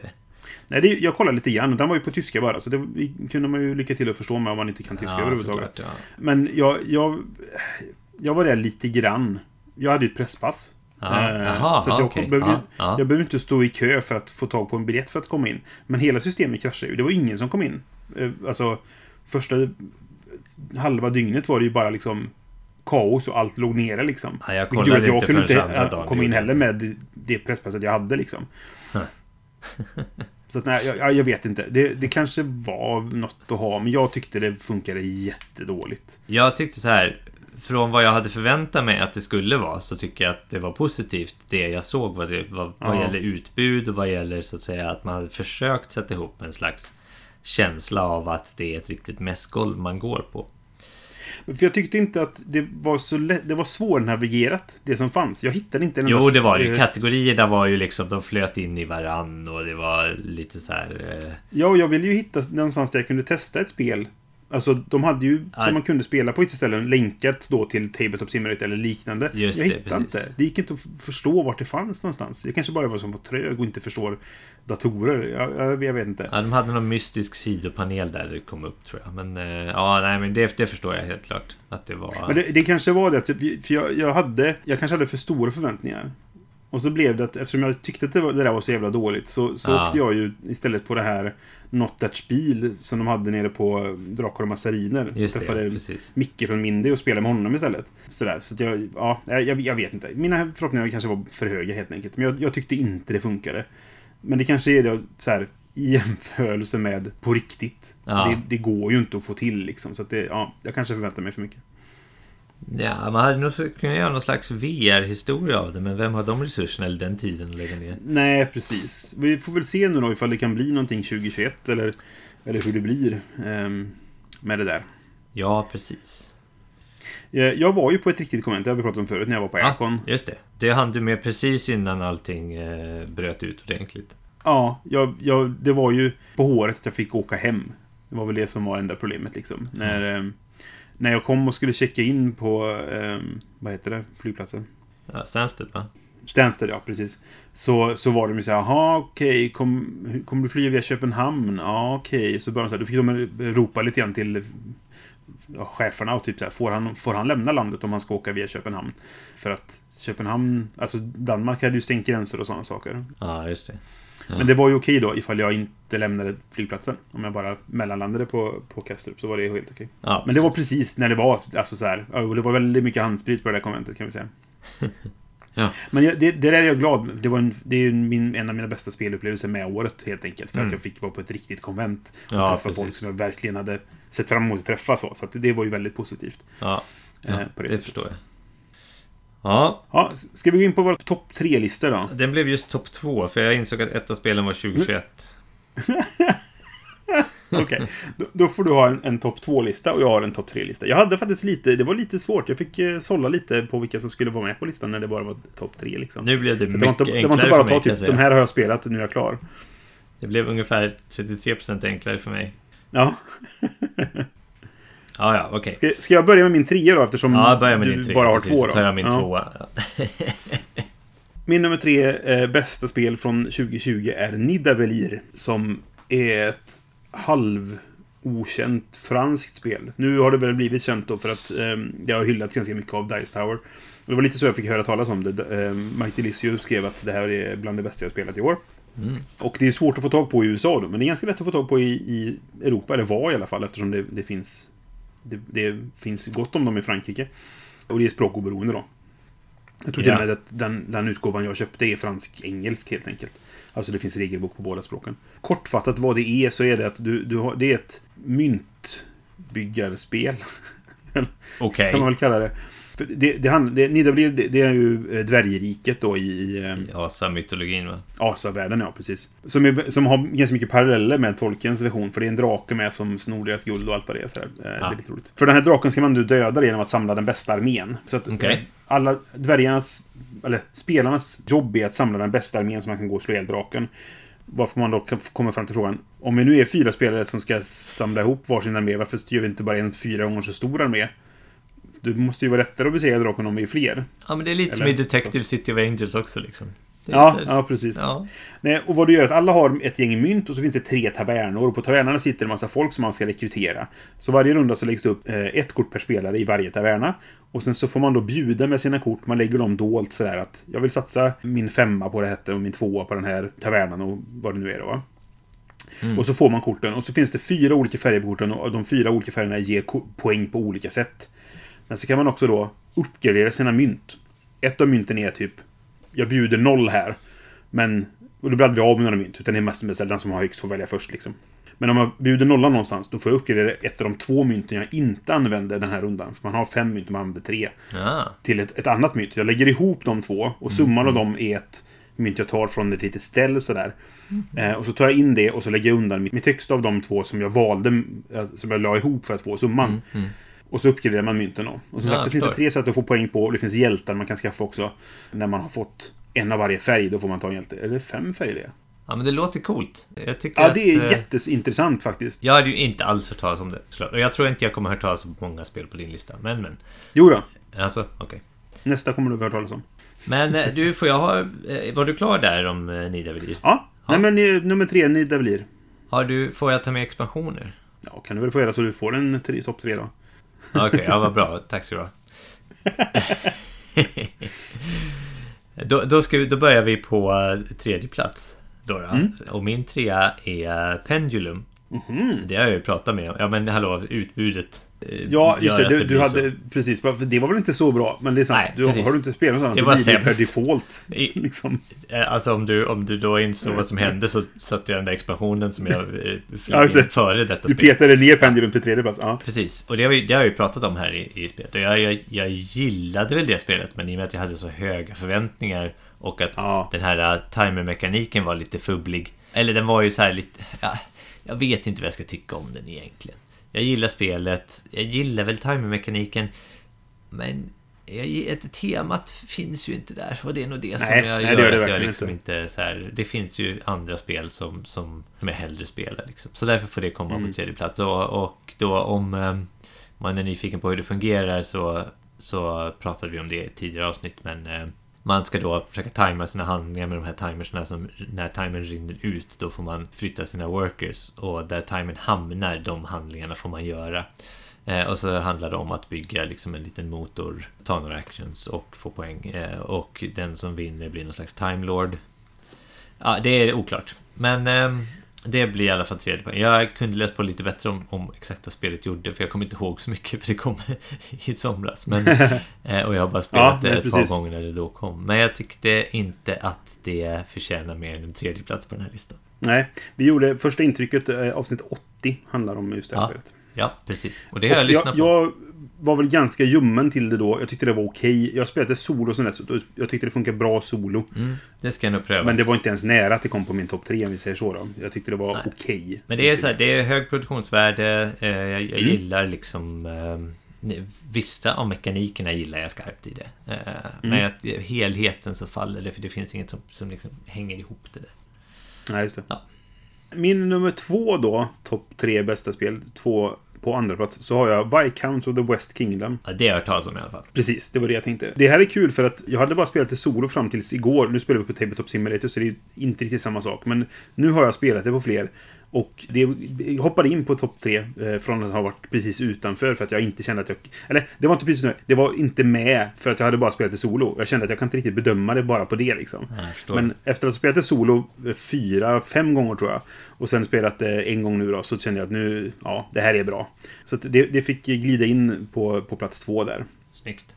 Lite kortfattat igen då vad det går ut på är att det är ju någon sorts... Det är lite lekbyggande och det är lite work placement egentligen. Det finns... Eh, det är ju det, här, så det tredje spelet då i, West Kingdom-serien där jag gillat både Architects och Paladins tidigare. Vad du gör är egentligen att du, du har en lek med kort och sen varje runda så spelar du ett kort från dem som liksom, det är på en liten tablå framför dig så glider, som glider framåt. Du skjuter kort framåt och sen in med ett nytt kort när ett åker av. Och så finns det då förmågor som är när det spelas och när det är i spel. Och när det åker av så finns det, händer olika saker. Och de då driver att du gör saker på spelplanen där du är runt med din lilla Viscount då som ska göra olika saker. Och det finns egentligen fyra saker att göra. Man kan skaffa manuskript, man kan skicka in folk i slottet för att stödja kungen, man kan bygga byggnader och man kan trada helt enkelt. Tradande är mer för att göra de andra handlingarna egentligen kan man säga. Och, men att, att det bara finns fyra handlingar så finns det ändå väldigt mycket att göra i spelet. Liksom. Och det, det är återigen det här, det finns mycket att utforska och hur kan man spela och så vidare. Och så kan man då skaffa nya kort till sin lek som Alltså nya karaktärer som gör andra saker eller gör bättre saker eller vad det kan vara liksom.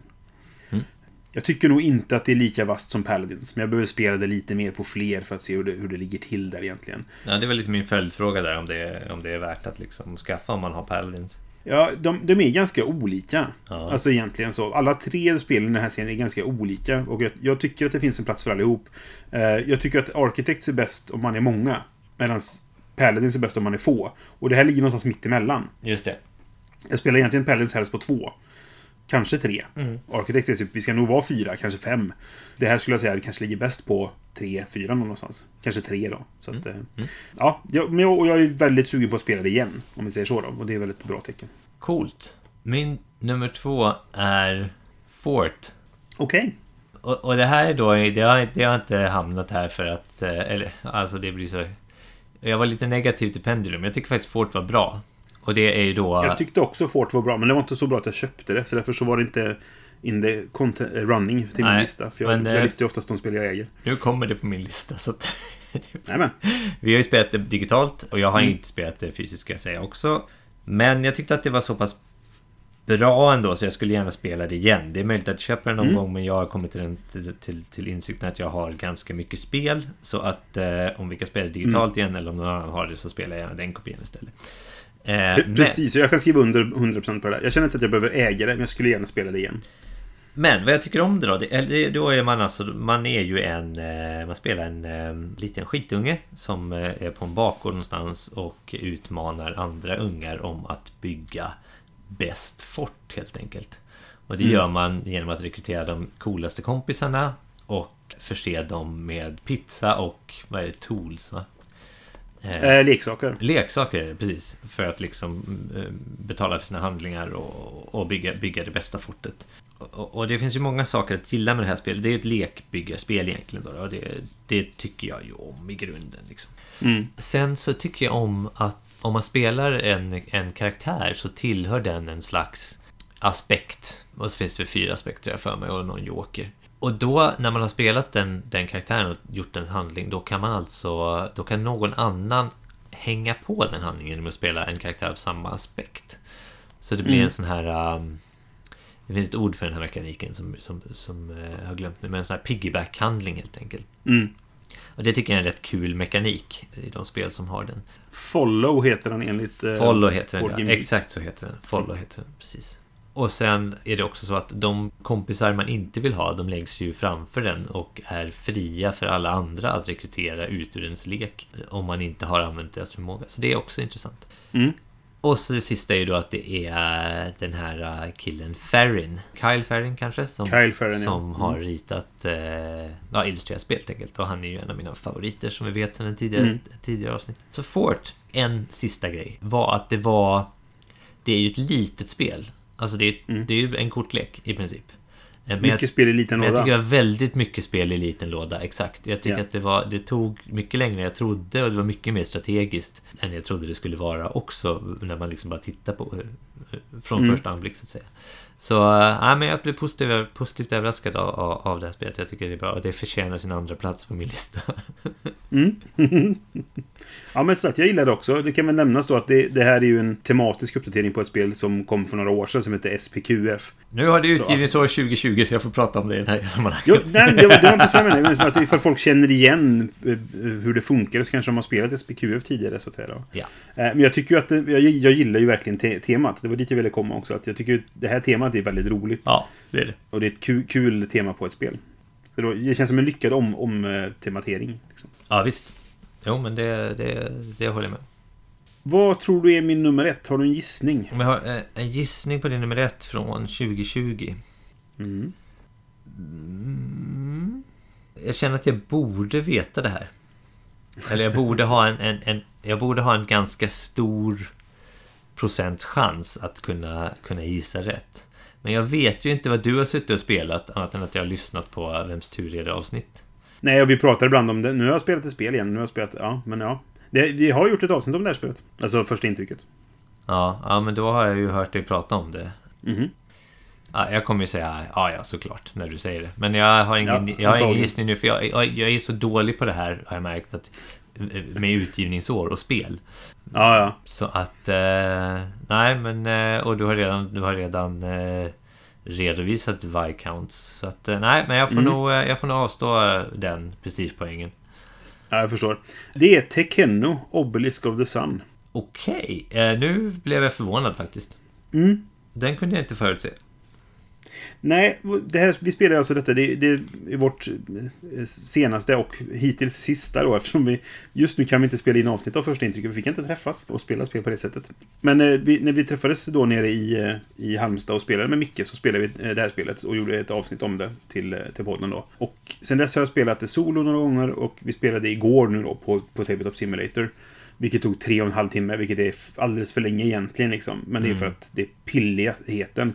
Och att skriptet efter en tredjedel av spelet balla ur. Så det funkade inte. Vi fick göra allting manuellt istället. Liksom. Ah, Men jag tycker det här spelet är jättebra. Eh, det kommer, kommer man in på min topp 100. Utan tvekan, mer eller mindre. Det, det är ju designat av Daniel Taschini och eh, David Turksey. Och jag har ju undvikit till exempel det här um, Teotihuacan. För jag tyckte att det såg för tråkigt ut. varför har du undvikit det? Det är ett jättebra spel, Marcus. Jo, men eftersom efter att jag tycker det såg förbannat tråkigt ut. Det är den enkla anledningen. Men efter att ha spelat nu då, Tekenno, så blir jag så här, okej, jag kanske borde testa. Så jag, nu har jag köpt ett eh, Teotihuacan. Jag har bara inte lyckats spela den. För det verkar intressant. Jag har läst reglerna och det verkar bra. Men Tekenno är... Alltså jag är så frälst i det här spelet. Ja, intressant. Ja. Mm, mm. Jag vet inte om det kommer gå upp på topp top 10 så här, men det, ja, det, det är ett väldigt bra spel. För vad det, det som gör det intressant, det är att alla val är meningsfulla. Mm.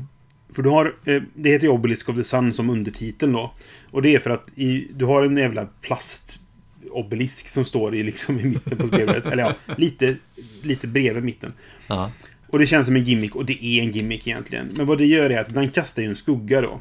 Alltså, Obelisk of the Sun, för det, solen skiner på en sida, men då är det skugga på andra sidan av den. Ah, Och så har du då sex stycken cirkelsektorer, eller vad man ska säga, runt den här helt enkelt. Och när den snurrar, man snurrar på obelisken och det ska ju symbolisera då hur solen rör sig runt den.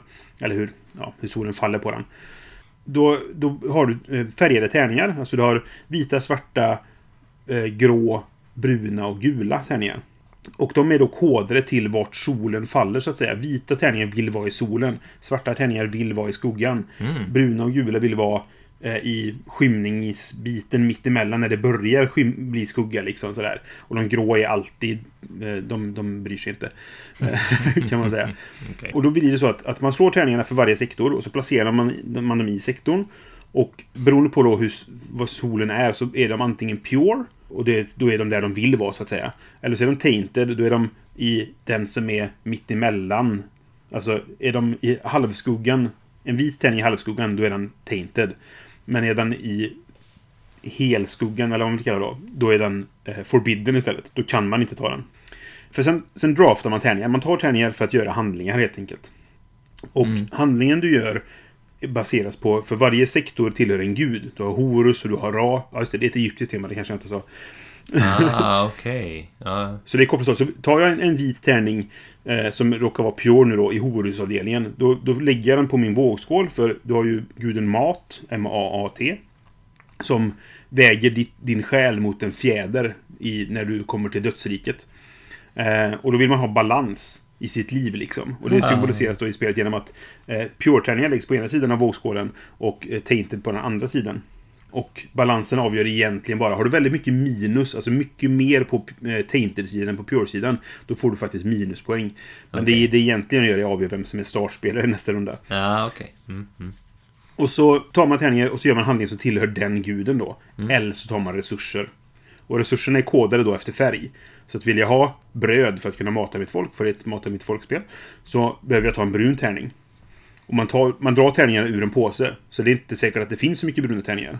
Och jag kan hate-picka en brun tärning för att det spelar ingen roll för mig vilken färg det är, för jag ska göra den här gudahandlingen. Och då spelar färgen oftast inte så stor roll. Då är det oftast bara siffran på den som spelar roll. Men jag vill se att du inte har något bröd och snart är det dags att mata. Ja, men jag tar den bruna tärningen. Och så liksom va. Så varje val du gör, varje gång det är din tur. Du har 16 turer på ett spel, så det är inte jättemånga turer. Men varje gång det är din tur att göra någonting i spelet. Så ska du tänka dels på vad, vilken handling vill jag göra? Eh, vilken tärning på den handlingen vill jag ta? För att det beror ju på ifall den... Hur är min balans just nu och vad vill jag ta där? Och kan jag påverka de andra genom mitt val här nu? Om det inte spelar så stor roll om jag tar den grå eller den svarta. För de har samma valö, eller så värde till exempel. Vilken är det värst för de andra att jag tar? Ja, det verkar vara den svarta. Då tar jag den. Och, och, så, och därför så Wow. blir varje val av de här 16 valen egentligen. Det är ganska få val då under ett spel. Men de blir extremt viktiga. Mm. Varje gång. Och det där gillar jag verkligen. Det, det är så här. Det brinner lite i huvudet varje gång det är din tur. Man kan planera i förväg. Förutom då ifall någon tar det du just hade tänkt ta. Då blir man så här, jaha, vad Ja. jag gör nu då Ja, liksom? och precis. så får man tänka om. Och det är många spel som är sådana. Ja, verkligen. Och det är ganska lätt att interagera med folk. Man kan se så här, jag tror att du är på väg att göra ra-handlingen nu, då man bygger pelare i ett tempel liksom. Okej, och då kommer du antagligen vilja ha en svart tärning för att då kan du göra det här. Alltså du vet så här, det kanske var ett dåligt exempel för jag kom, kan inte riktigt säga att färgen spelar roll där egentligen. Men, men du kommer antagligen vilja ta en femma, för då kan du göra den där och det är den bästa. Eller du vet, sådana saker. Ja, precis. Mm. Hela tiden. Alltså, ja. Ja, men det låter... Det låter jag, det, jag är såld. Det här måste jag ju pröva. Ja, det, det måste du göra. För jag tycker det är jätteintressant. Och Daniel, Daniel Tastigini har verkligen stigit i min aktning till att säga, jag, han ska jag hålla koll på. Det, han är ju redan superpopulär. Jag är ju sen på bollen liksom. Men, ehm, men det här spelet är så vast, tycker jag då. Att jag blir så här, ja. Nu vill jag veta mer om, om hans spel liksom. Cool. Ja, det låter som Mm. en bra grej. Jag tycker att du har fått med, ut mer av det här året än vad jag har fått. Om vi säger så. Ja, jo, men det är väl möjligt då. Ja. Men vad jag fick i alla fall eh, det här året var att jag fick en expansion till mitt favoritspel. Och då vet du direkt vad jag Ja, pratar ska, om. ska jag, jag, om jag skulle gissa så är det ju expansionen till Tapestry. Ja, så det, var är ju så såklart. Den, den, den trycker jag in på Ja, position men du, du avslöjar ju lite grann i och med att det var en expansion då. Så. Ja, ja, precis. Nej, men jag hade faktiskt... Jag fick expansioner till Everdell också. Eh, och de, Ah, hade, de Mm. hade jag kunnat plocka av för två av dem var från 2020 och en från eh, 2019. Men eh, jag tänkte att... Eh, kommer det en expansion till Tapestry så får ju den, får ju den liksom komma in där. Det, det här året har jag alltså köpt... Om vi pratar nu, om vi reflekterar lite över vårt expansionsavsnitt. Där jag Mm. sa att jag hatar expansioner. Det här året har jag nog köpt mer expansioner än, än vanliga spel så att säga. För jag har köpt eh, expansionen till Tapestry, Everdell. Jag köpte expansionen till eh, Euphoria det här året också. Även om det inte kom ut det här Ja, året så köpte jag den Nej. expansionen. Eh, för att jag fick någon deal i och med att jag var Stone Mind Champion. Eh, så att eh, Just det. jag har verkligen köpt väldigt många expansioner det här året. Och då är det, då är Mm. det här liksom att ja, men jag har inte kommit i kontakt och kunnat spela de nya spelen. Och då har jag liksom förstärkt mina gamla spel istället på något sätt. Just det. Ja. Nej, och jag tyckte expansionen till... Jag, nu har jag bara använt expansionen en gång till Tapestry. Men jag gillar den. Jag tyckte det var bra expansion. Jag tyckte den var precis lagom. Ja, precis. Och det, här året har ju jag upptäckt Tapestry lite grann. För jag, jag, vi spelade ju det. Vi gjorde ett avsnitt om det till, till första intrycket. Ja, Och jag tyckte det var okej. Men sen när vi började spela digitalt. Det, det börjar lite grann när du och jag började spela digitalt Precis. nu i år. Det börjar lite med Tapestry. Vi hade Tapestry-måndag. ja det hade vi ett tag. Ja, det, var, Ja. det var roligt. Eh, Så det, det är också ett spel som kommer komma in på min eh, topp 100 antagligen rätt säkert i år. Ja. Eh, eller nästa gång jag gör den. För att jag, jag fastnade verkligen för det spelet nu. Vi har ju spelat uppåt eh, 30 avsnitt tror jag, min fru och jag. Liksom. Eh, Så det Mm. funkar ju så pass bra här hemma. Liksom. Och som sagt, det funkar att spela online också. Nej, Jag, jag, jag gillar verkligen det spelet. Mm, ja, jag med. Ja, vad, vad den expansionen gör det är ju några flera eh, civilisationer. Ett nytt kort, korttyp som heter Blueprint, vilket gör att om man uppnår eh, vissa mål så får man en byggnad till sin stad. Liksom en gratis byggnad så att säga, som är bara din. Ja, precis. För de, de är personliga de korten. Precis, den gör ingenting, den har bara liksom en form. Men det ger dig, om du är lite så här vilsen på vilken track du ska göra eller vad du ska göra, så kommer den ge dig en inriktning i början av spelet. Mm. Sen var det väl något, några nya Tapestry-kort också, men det var inte så Ja, mycket. några nya tiles och lite sådär. Och världens tunnaste tygpåse. Ja, världens tunnaste tygpåse. Precis. Mm. Men det var ny, den nya, nya Space Tiles var det. Bland annat den riktiga av den där som är feltryckt i, i, i grundlådan. Ja. Så att... Eh, ja, men eh, det tyckte jag var en expansion som, till mitt favoritspel. Och Mm. den gjorde det som en expansion ska göra enligt den definitionen jag lämnade förra, eh, för två avsnitt sedan. Så att den får min, min plats ett på den här något fattiga listan. Jaha, ja just det. Ja, men jag, tycker att det har varit ett, ett ganska bra år. Alltså spelsläppår som man säger. Jag hade lite svårt att sätta... eh, Före jag eh, spelade Viscounts nu då, så jag kunde putta in det på listan. För jag gjorde listan före jag spelade Viscounts på riktigt nu då, inom citationstecken. Mm. Eh, Och då hade jag med Undaunted North Africa till exempel. Det var det som var på tredje plats som petades ner. Och det, jag hade några till som var typ så här, och det här var ju bra, och det här. Och jag har några spel som jag har skaffat nu som är släppta i år, men som jag inte hunnit spela än, som jag tror jag kommer riktigt... Alltså jag tror jag kommer gilla verkligen. Alltså det är ju problemet med det här året också liksom att jag har ju fått ganska många spel från Kickstarter Mm. till exempel Ja. Som nu ligger här och väntar på att bli spelade och då kommer de ju inte in på någon lista om de bara ligger och... Nej, men Och precis, samlar så damm. är det ju. Nej, men jag har ju flera spel som jag eh, tror jag kommer verkligen... Alltså, eh, Caput, Praga, Regnit. Jävla konstigt Ja, namn. ja, det har fått mycket bra kritik. Ja, och Furnace är jag väldigt sugen på. Jag har faktiskt skaffat eh, ett eh, Stefan Feld-spel. Jag är väldigt sugen på Castles of Tuscany. Just och, det, just ja, med, med flera som är, släppta i år, eller nyligen i alla fall. Så, att, ja, det, jag tycker det har varit ett, ett bra spelår, förutom att man inte kunnat spela. Kan man säga. Så kan vi sammanfatta det. Ett bra spelår förutom att vi inte kunnat spela. Har, har du eh, trendspanat någonting under året? Jag, jag är ju inte så bra på det där, så jag, jag vet inte varför jag tar upp det. Men, men eh, är det någonting du känt att så här, det här har varit en grej i år? Liksom? Förutom att man spelar digitalt och sådana saker. Nej, det är väl den grejen då. Alltså, när vi har gått på, på, på mässan i Essen de senaste åren så har man ju Mm. sett, det har varit en, en gammal bekant till dig där som ju är han är väl i och för sig jag basar för något företag som, som har digitala spelregler tror jag som sin grej. Men att man har ju sett att eh, när vi har pratat om honom att han har ju sett att det har kommit en digital trend. Liksom. Och sen har man sett också andra bås som Asmodee Digital tror jag hade ett bås där man kan liksom se de spelen som de hade konverterat till iPad då. Men det här är för två år sedan. Nu har inte jag varit på ett SM på två år. Liksom. Men Nej. Man har ju sett att det finns en trend där och jag tror att de företagen som hade gjort en investering då, de har ju liksom kunnat casha in nu då så att säga. Mm. Jo, men visst. Och den trenden gör ju också att det kommer mer och mer appversioner av, av brädspel, liksom kända och okända. Mm. Jag vet till exempel, på tal om Tapestry, att det är en Tapestry-version på väg liksom för, för eh, eller som app. Site fanns ju innan som sagt. Just, just att man ser ens favoritspel dyka upp också så man får köpa dem en gång till. Det är ju jättebra. Ja, men precis. Nej men så att det är väl den grejen. Sen, sen har jag väl också... Jag vill väl egentligen tycka att man har...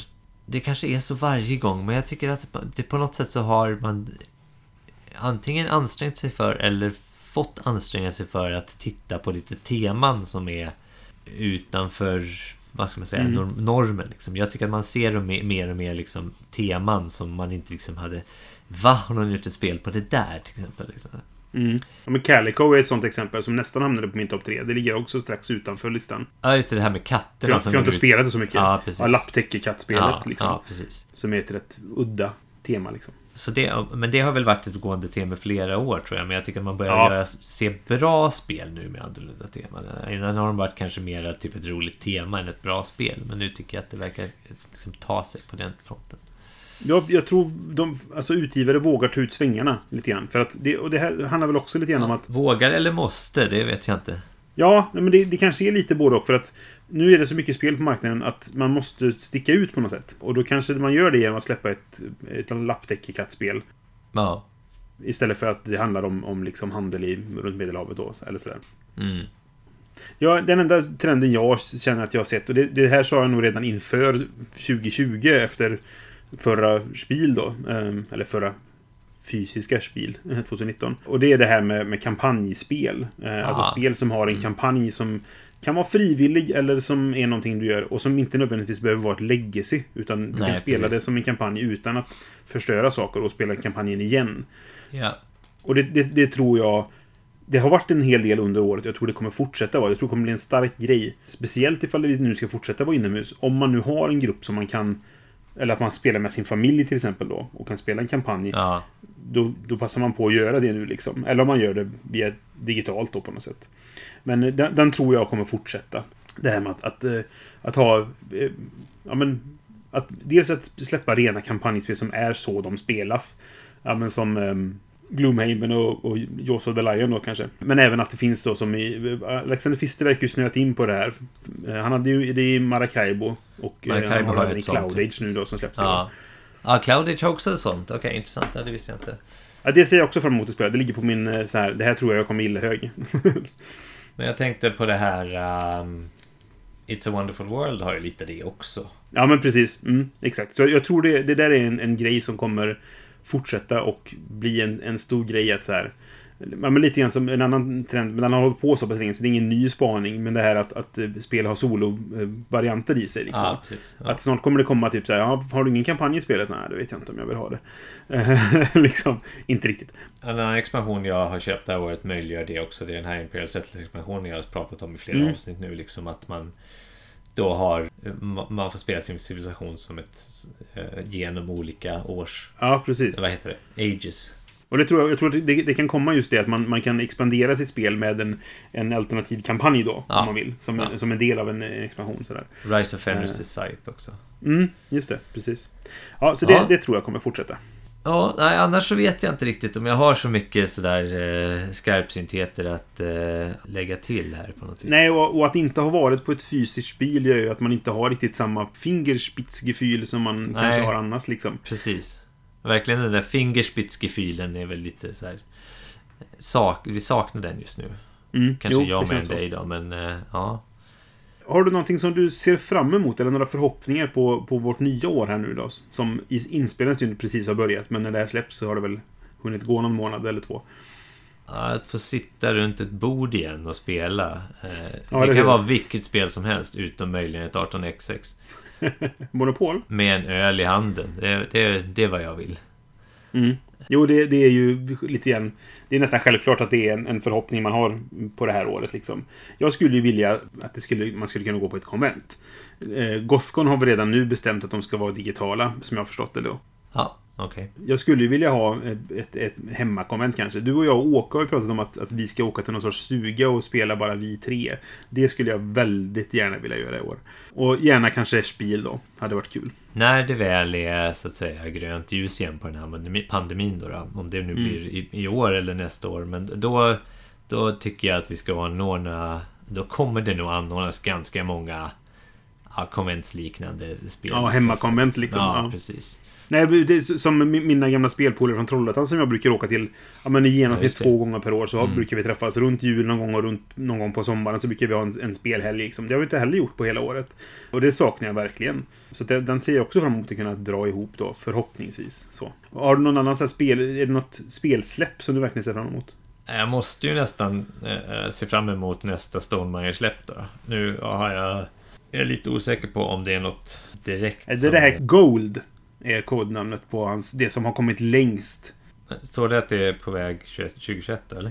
Det står frågetecken 2021. Okej. Och sen har du, det, det andra som står som 2021 är ju eh, Rolling Realms då som någon sorts fysisk produkt istället för bara en print and play. Between Two Castles expansion och Tapestry expansion nummer två. Nej men det är jag, det- spelmässigt så är det väl det jag ser fram emot. Det är väl nästa släpp från Stonemaier då. Det ser ut att kunna bli en expansion till Tapestry så det är kul. Pendulum då blev jag lite besviken på. Men å andra sidan så hade jag inte sett det komma heller. Jag hade inte så bra koll på det just Nej. då. Men eh, nej, eh, annars så... Jag brukar ju inte vara sån som gör de här riktigt långtgående spanen. Utan jag är lite mer så flexibel i mitt, eh, i mitt spelinköp. Jag blir mera... Jag blir hellre överraskad liksom. Men jag är lite så också. Alltså jag, jag tittar väl lite grann på så här. Vad kommer komma? För man får lite nyhetsbrev och sånt från, från utgivare. Och då, då kan man ju säga jaha, det där kommer ni släppa och så vidare. Men jag är ju mer när det börjar närma sig SN. Ja, eh, det är då- Och titta på dem. Vad, vad kommer komma nu som Ja, jag snart kan skaffa liksom. Essen Och jag tycker också det är kul att bli överraskad. Som Nidavellir var ju sån där.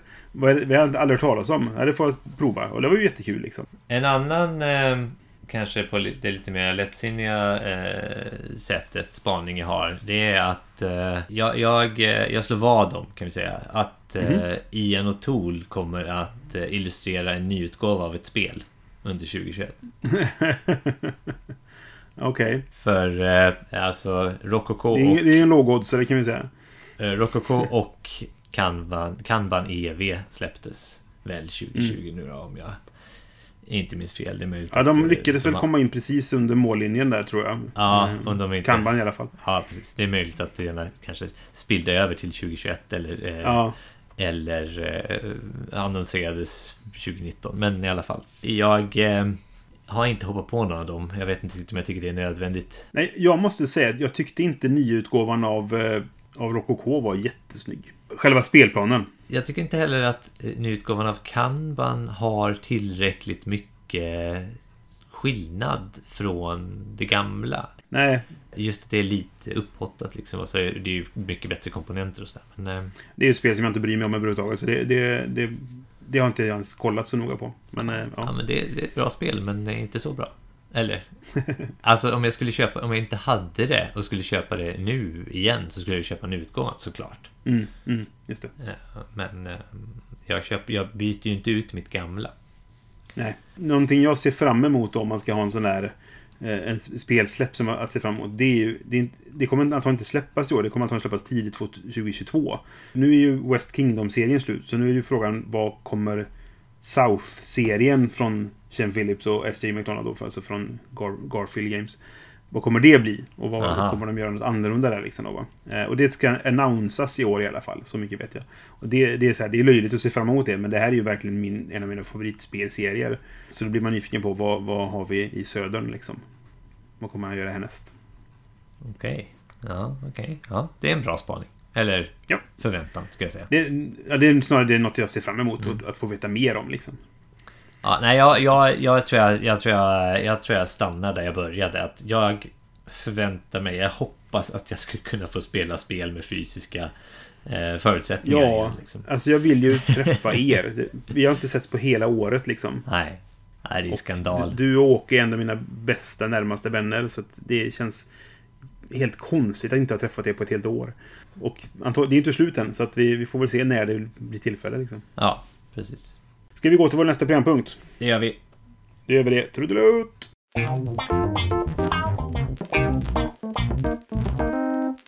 Och som vanligt är vår näst sista programpunkt inte ett speltips-tipset. Ja, det är det ju. Har du något tips Johan? Ja, det har jag. Låt höra. Och då är det här ett väldigt, ett tips som är väldigt i tiden, ska jag säga. Oh. Eh, Coronavaccin! Det är mitt tips. det är en film som Ja. heter Death to 2020. Mm. Jag vet inte om du har hört talas om den? Jo, vi, vi satt igår och, för vi har varit barnfria faktiskt eh, ett par dagar här. Så vi satt igår och tänkte titta på någonting. eh, Så här, vad ska vi se en film? Vad ska vi se då? Så sitter man och bläddrar på Netflix i 20 minuter innan man ens kommer till något. Ja. Och då såg vi den, men så tyckte vi att nej, men vi vill se något mer lättsamt, kände vi. Alltså den är ju... eh, För det första är den gjord av eh, Black Mirror-folket.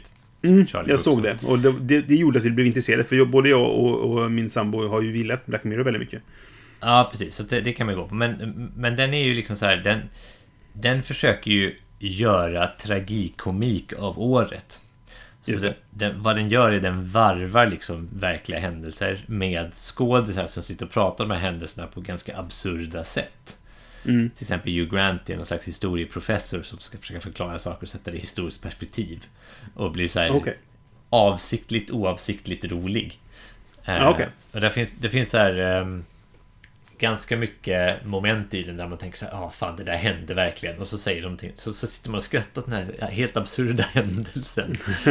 Men liksom de gör det ändå roligt på något sätt. Så, här, så att eh, det, mm. är, det är så här, ja det är tragikomik.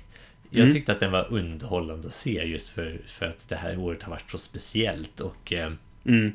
och det här är väl ett sätt att komma över det. Att liksom se göra en sån här film och sen se först då, alltså, för de personerna och sen se den. Och det är så här, eh, Lisa Kudrow från Vänner spelar liksom någon slags eh, karikatyr på Trumps pressekreterare.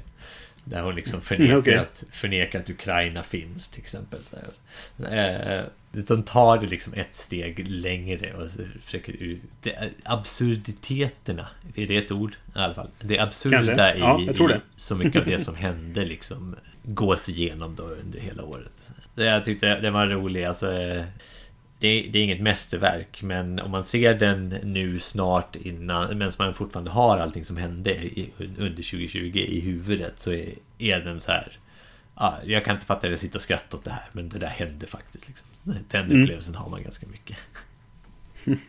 ja, ja jag, jag, jag, blir lite sugen på att se den men det, det var lite så här, det var inte riktigt den, det vi var ute efter igår. Nej. Jag kommer nog absolut se den i framtiden.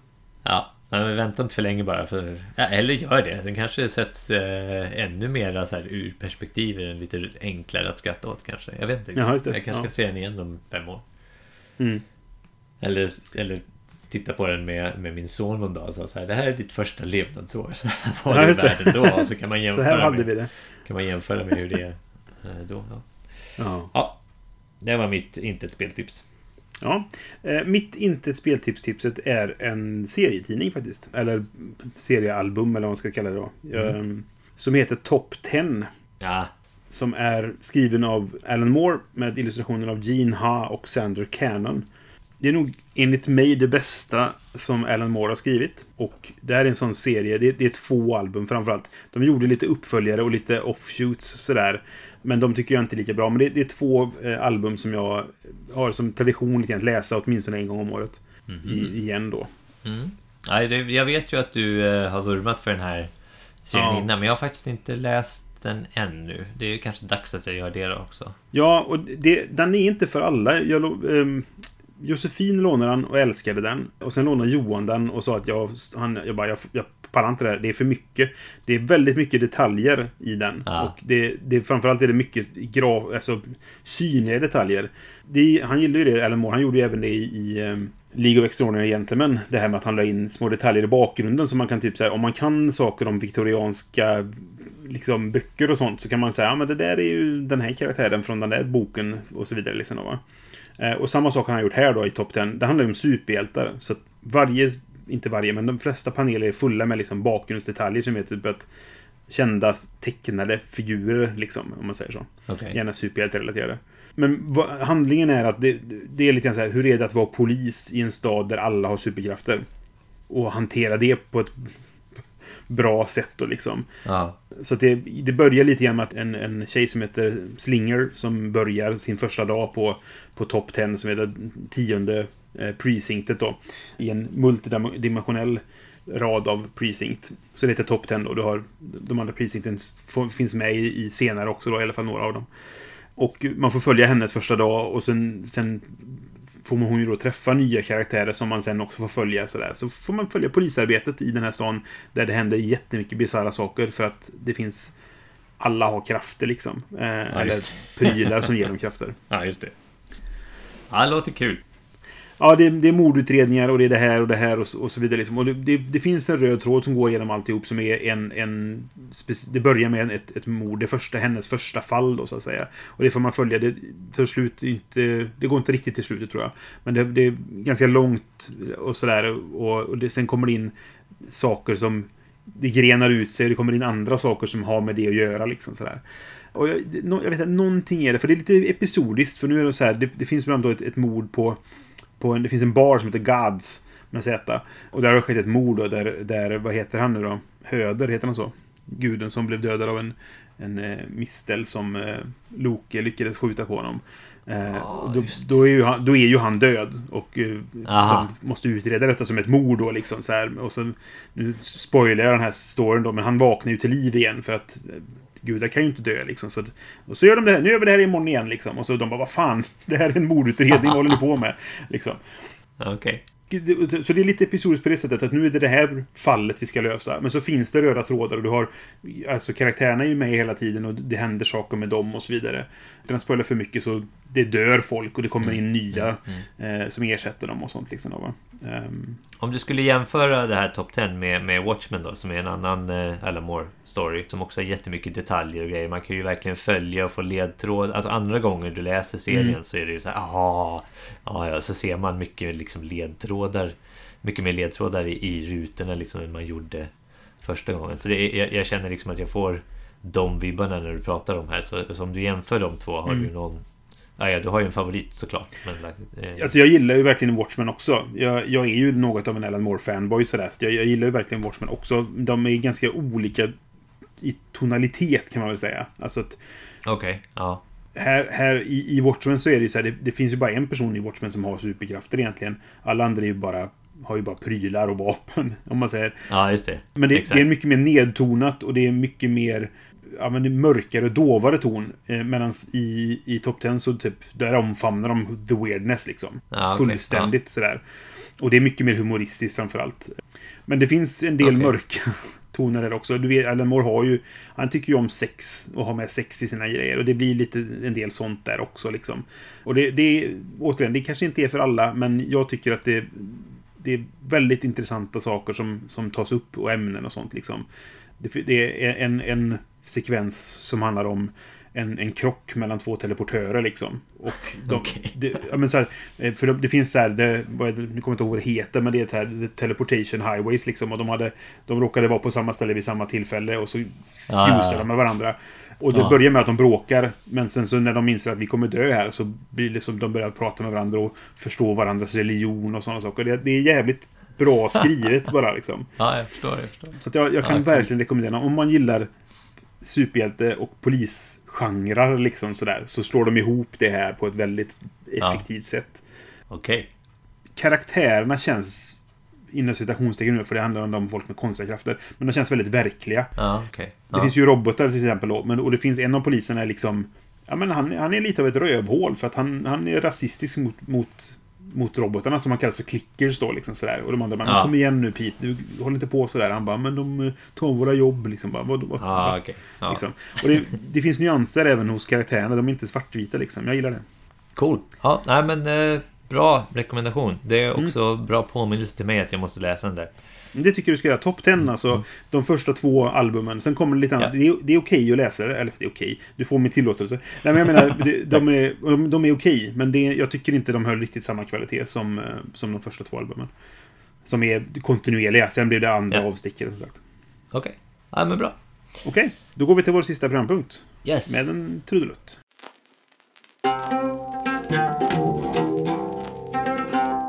Vår sista programpunkt är som vanligt Vad ser vi fram emot att, emot att spela? Mellan nu och när universum inte längre finns. Ja, det sa vi va? Precis. Ja, men Vi något ska, sånt där. det, det är onödigt att begränsa sig. Vi vet ju inte när det blir nu då eftersom... Nej, ja, nej, nej. Pandemi. Ja. Så att, eh, men jag, jag ser fram emot att spela ett spel i alla fall. Som jag Ja. fick nu precis. Jag, jag hade det på min lista som vad jag ser fram emot 2021. För att jag trodde inte det skulle hinna komma före årsskiftet. Okej. Men det dök upp, det dök upp i mellandagarna liksom. Okej. Och då fick jag Vampire the Masquerade Heritage. Som är nog ett av de spel jag sett mest fram emot på väldigt länge. Överhuvudtaget liksom. Ja. Och det här är ju ett, det är ju ett kampanjspel för övrigt. Men det är ett legacy för du, du förstör saker så att säga. Men det, det finns så här reset-sätt man kan köpa. Men det är alltså ett, ett, baserat på mitt favoritrollspel genom alla tider, Vampire the Masquerade. Och ett, Ja. är ett brädspel där man spelar från 1300-talet till 1970-talet tror jag det är. Och ska bygga liksom sin vampyrklan mer eller mindre, eller sådär. Det känns ju väldigt förenklat jämfört med rollspel. Liksom. Jag, jag- som jag sagt tidigare avsnitt av, av, av den här podden och av första intrycket också så här att jag, jag är ju rollspelare i grunden, men spelar mycket brädspel nu för att det är mycket mindre förberedelsetid på det. Eh, man kan sätta upp det och börja spela det. Så att jag har ju länge velat ha ett spel som kan ge mig Vampire-upplevelsen fast i brädspelsformat. Lite mer så här eh, kompakt format kanske. Ja. Ja, men precis. Och lite Ja. mer enkelt att få, till, få fram liksom sådär. Och jag tror att det här kanske kan vara det. Jag har läst igenom regelboken, suttit och pillat lite grann med det. Så jag är väldigt sugen på att spela det nu. Så får vi se när det blir. Men det, Ja. det inget spel jag har just nu är jag mer sugen på, om vi säger så. Cool. Vet Mm. du vad jag har skrivit ner här som på min vill spela? Vampire the Masquerade Heritage. Ja. Jag misstänkte nästan det. Alltså det, det är ju kul. Och jag, tror inte det är hypat alls. Jag, alltså jag känner Nej. inte att det är någon hype runt det. Utan jag känner bara att jag, jag, jag backade där på just att det var Vampire. Och sen så Mm. när jag nu fick det och öppnade så bara, "Ja, men alltså det här är ju coolt. Det Mm. är ju en sån där, jag, jag satt, vi satt och pratade om det här eh, häromdagen. Att vi pratade om de rollspelskampanjer vi har spelat. Och eh, jag har då insett att jag har liksom inte spelat klart någon rollspelskampanj egentligen riktigt. Nej. Och då fanns det två stycken ganska episka eh, Vampire-rollspelskampanjer. Till exempel eh, eh, Giovanni Chronicles och Mm. Transylvania Chronicles. Chronicles hette det va? Ja, precis. Ja. Och de har jag börjat spela men liksom aldrig fick tillfälle att sluta. Och sen så gick alla spelare sitt... Eh, deras liv startade liksom. Ja, så- precis. Ja, men det är samma här. Av, Mm. liksom. Men det här då, att det spelar, utspelar sig i, i olika scenarier under lång tid får jag precis samma känsla när jag tittar igen det då. Ja. Inte rollspelskänslan i sig men, men känslan av att berätta den här historien som, som liksom utvecklar sig över flera århundraden. Liksom. Ja. Och jag ser så mycket fram emot att spela det. Men vampyrer Mm. visar sig vara ganska svårsålt till min fru. Ah, okej. Och man kan inte spela det själv. Nej, precis. Eh, Så att, vilket var en liten missräkning av mig. Jag bara tänkte, ja det här, måste, det här är ju perfekt för mig att sitta och spela själv nu. Bara, Nej, det gick ju inte. Om det inte nu finns, kanske finns på Borgen Geek eller någonstans att det finns någon slags sätt att spela det själv. Då. Men Ja, det, det kan det finnas. Men jag tror att det här är ett sånt spel som man vill vara fler på. Kanske till och med Ja. så här. Du vill vara fullt spelarantal om det ska verkligen skina liksom. Tror jag. precis. Och Enligt jag att- BGG så är det bäst på fyra. Vi pratade om det här med spel som kommer med en eh, eh, kampanj Mm. alldeles nyss. Och, och då tänkte jag på just det här spelet faktiskt när du sa det. Att liksom så här, här är det så här, ja du kan spela det här spelet liksom vanligt. Ja, fristående scenario eller man ska kalla det. Liksom. Fristående liksom. Eller så kan du spela kampanjen och det blir så här minimum 22 omgångar eller någonting. Står det i regelboken. Ja, tror jag. ja. Eh, det är så här, ja just det. Jo, och det där är ju det klassiska. När kommer jag någonsin göra det då? Speciellt som jag inte kan spela det själv. Men, men det är ju också själva, nu blir det här, det här blir ju en, en eh, segway, men, men det är ju själva anledningen till att jag aldrig spelar klart några kampanjer. Nej. Jag sparade dem som spelledare så sparade jag dem till så här nu när det verkligen liksom gäller. Varför kör man inte direkt liksom? Varför gjorde man inte det på den Nej, tiden? visst. Liksom så här, ja det ska vi spela med rätt grupp och vid rätt tid när alla kan. Så här på ett sommarlov eller någonting. Så här. Ja, så händer Mm. det aldrig. Så då sitter man med alla de här ospelade äventyren och kampanjerna. Nej men så att jag, jag har faktiskt eh, ett par gamla av mina gamla rollspelsrävskompisar här, här i stan som jag ska försöka locka in till att spela det här spelet med mig. Men eh, Mm. då måste ju som sagt pandemin dra över. Ja, det precis. finns ju på Tabletop Simulator. Ja, det, det, alltså, vi pratade ju lite löst du och jag om att, att kanske spela det över nät, alltså via dator då. Men, Ja, men jag, jag tror att eh, efter att ha läst reglerna så tror jag så här, det här ska man nog spela på tre eller fyra. Eh, inte på två. nej. För att jag tror det blir bättre då. Det, det är den typen av spel liksom. Så jag får väl Ja, se om jag någonsin kommer spela det eller när det kan bli av liksom. Jag köpte ju två stycken recharge packs. Ja, det gjorde jag också. Eller recharge pack köpte jag. Jag köpte um, sån här kampanj eller stories eller vad det var. Story packs. Ja, nej, men det, det fanns ju också så här återställningspack så du kan spela det Just igen. De är ganska Ja. små. De kost, kostar inte så mycket. Det var därför jag köpte dem. De kostar typ 7 euro eller vad det var. Mm. Så jag köpte två sådana mest för att då kan jag, om det visar sig att det är superbra, så kan jag spela det igen liksom. Ja, precis. Men det är det. Kommer jag ens spela det en gång. Det här är ju det perfekta spelet för mig att spela egentligen med mina gamla Trollhättekompisar. För att det, Ja. det, vi har ju spelat Vampire jättemycket liksom.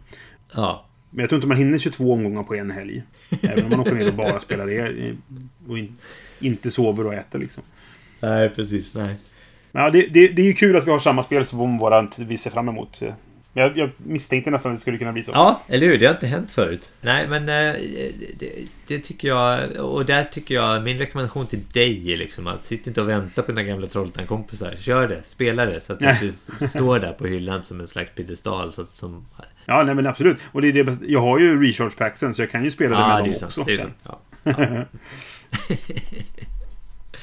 Coolt! Men eh, listan på spel jag ser fram emot att spela, den är väldigt lång Ja, just nu. jo, jo. Så är det ju. Så är det Jag köpte ju verkligen. Tammany Hall nyligen. Det är Ja. jag väldigt sugen på att testa. Men det ska man också vara många på tror jag. Maxantal för att det ska bli ordentligt bra. Jag har ju en hög med spel. Men, eh, men eh, det, vi väljer bara ett. Ja, Så precis. får ni vänta en, eh, en tidsrymd till innan eh, ni får nästa spel från den högen Just det. enkelt. I nästa avsnitt. I nästa avsnitt så nämner vi ett annat spel vi vill spela mellan nu Om inte något annat roligt har kommit under tiden. Precis. Men okej, det var väl allt för den här gången helt enkelt. Vi har samlat våra tankar lite grann kring spelåret 2020 för oss, Ja. inom parentes. Och tack för att ni lyssnade. Vill ni interagera med oss, berätta om ert spelår 2020, vad ni ser fram emot, eller ifrågasätta vad fan menar du med att Tekeno skulle vara så bra? Det kan det ju inte vara, eller det är det ju inte, för jag har spelat det. Så hör gärna av er. Vi finns på Facebook, vi finns på Instagram, vi finns på vår hemsida spelhållet.se. Överallt där man kan man söka, eller överallt, vi finns inte på Twitter till exempel. Men man kan söka på spelradio på de här eh, ställena så kan man hitta oss. Ja. Och vi vill jättegärna ha att ni, ni skriver till er om ni har tankar eller förslag till saker ni vill att vi ska prata om. Robin Landahl har gjort musiken. Ja. Och eh, tack för att ni lyssnar återigen. Mm. Det här var vårt korta avsnitt. Det blir jättebra. Eh, har, du, har du tagit det enda hit så förtjänar du en, en extra poäng. En guldstjärna eh, som du kan lösa in nästa gång du spelar ett spel. Eller något. För vad då? Ja, du får en extra Ja, ja. poäng i ett spel. En, en guldstjärna? Nej, Ja, en guldstjärna inte, får inte poäng utan spel. Det var ju, eh, Flip the Table hade det. Du kunde vinna tävlingar så fick du en, en så här eh, kupong på 10 000 poäng som du kunde lösa in när du spelade ett spel. Ja, det är så dumt. Väldigt kul. Ja. Vi hörs helt enkelt i nästa avsnitt. Ja. Hej då! Ha det bra hörni. Hej då.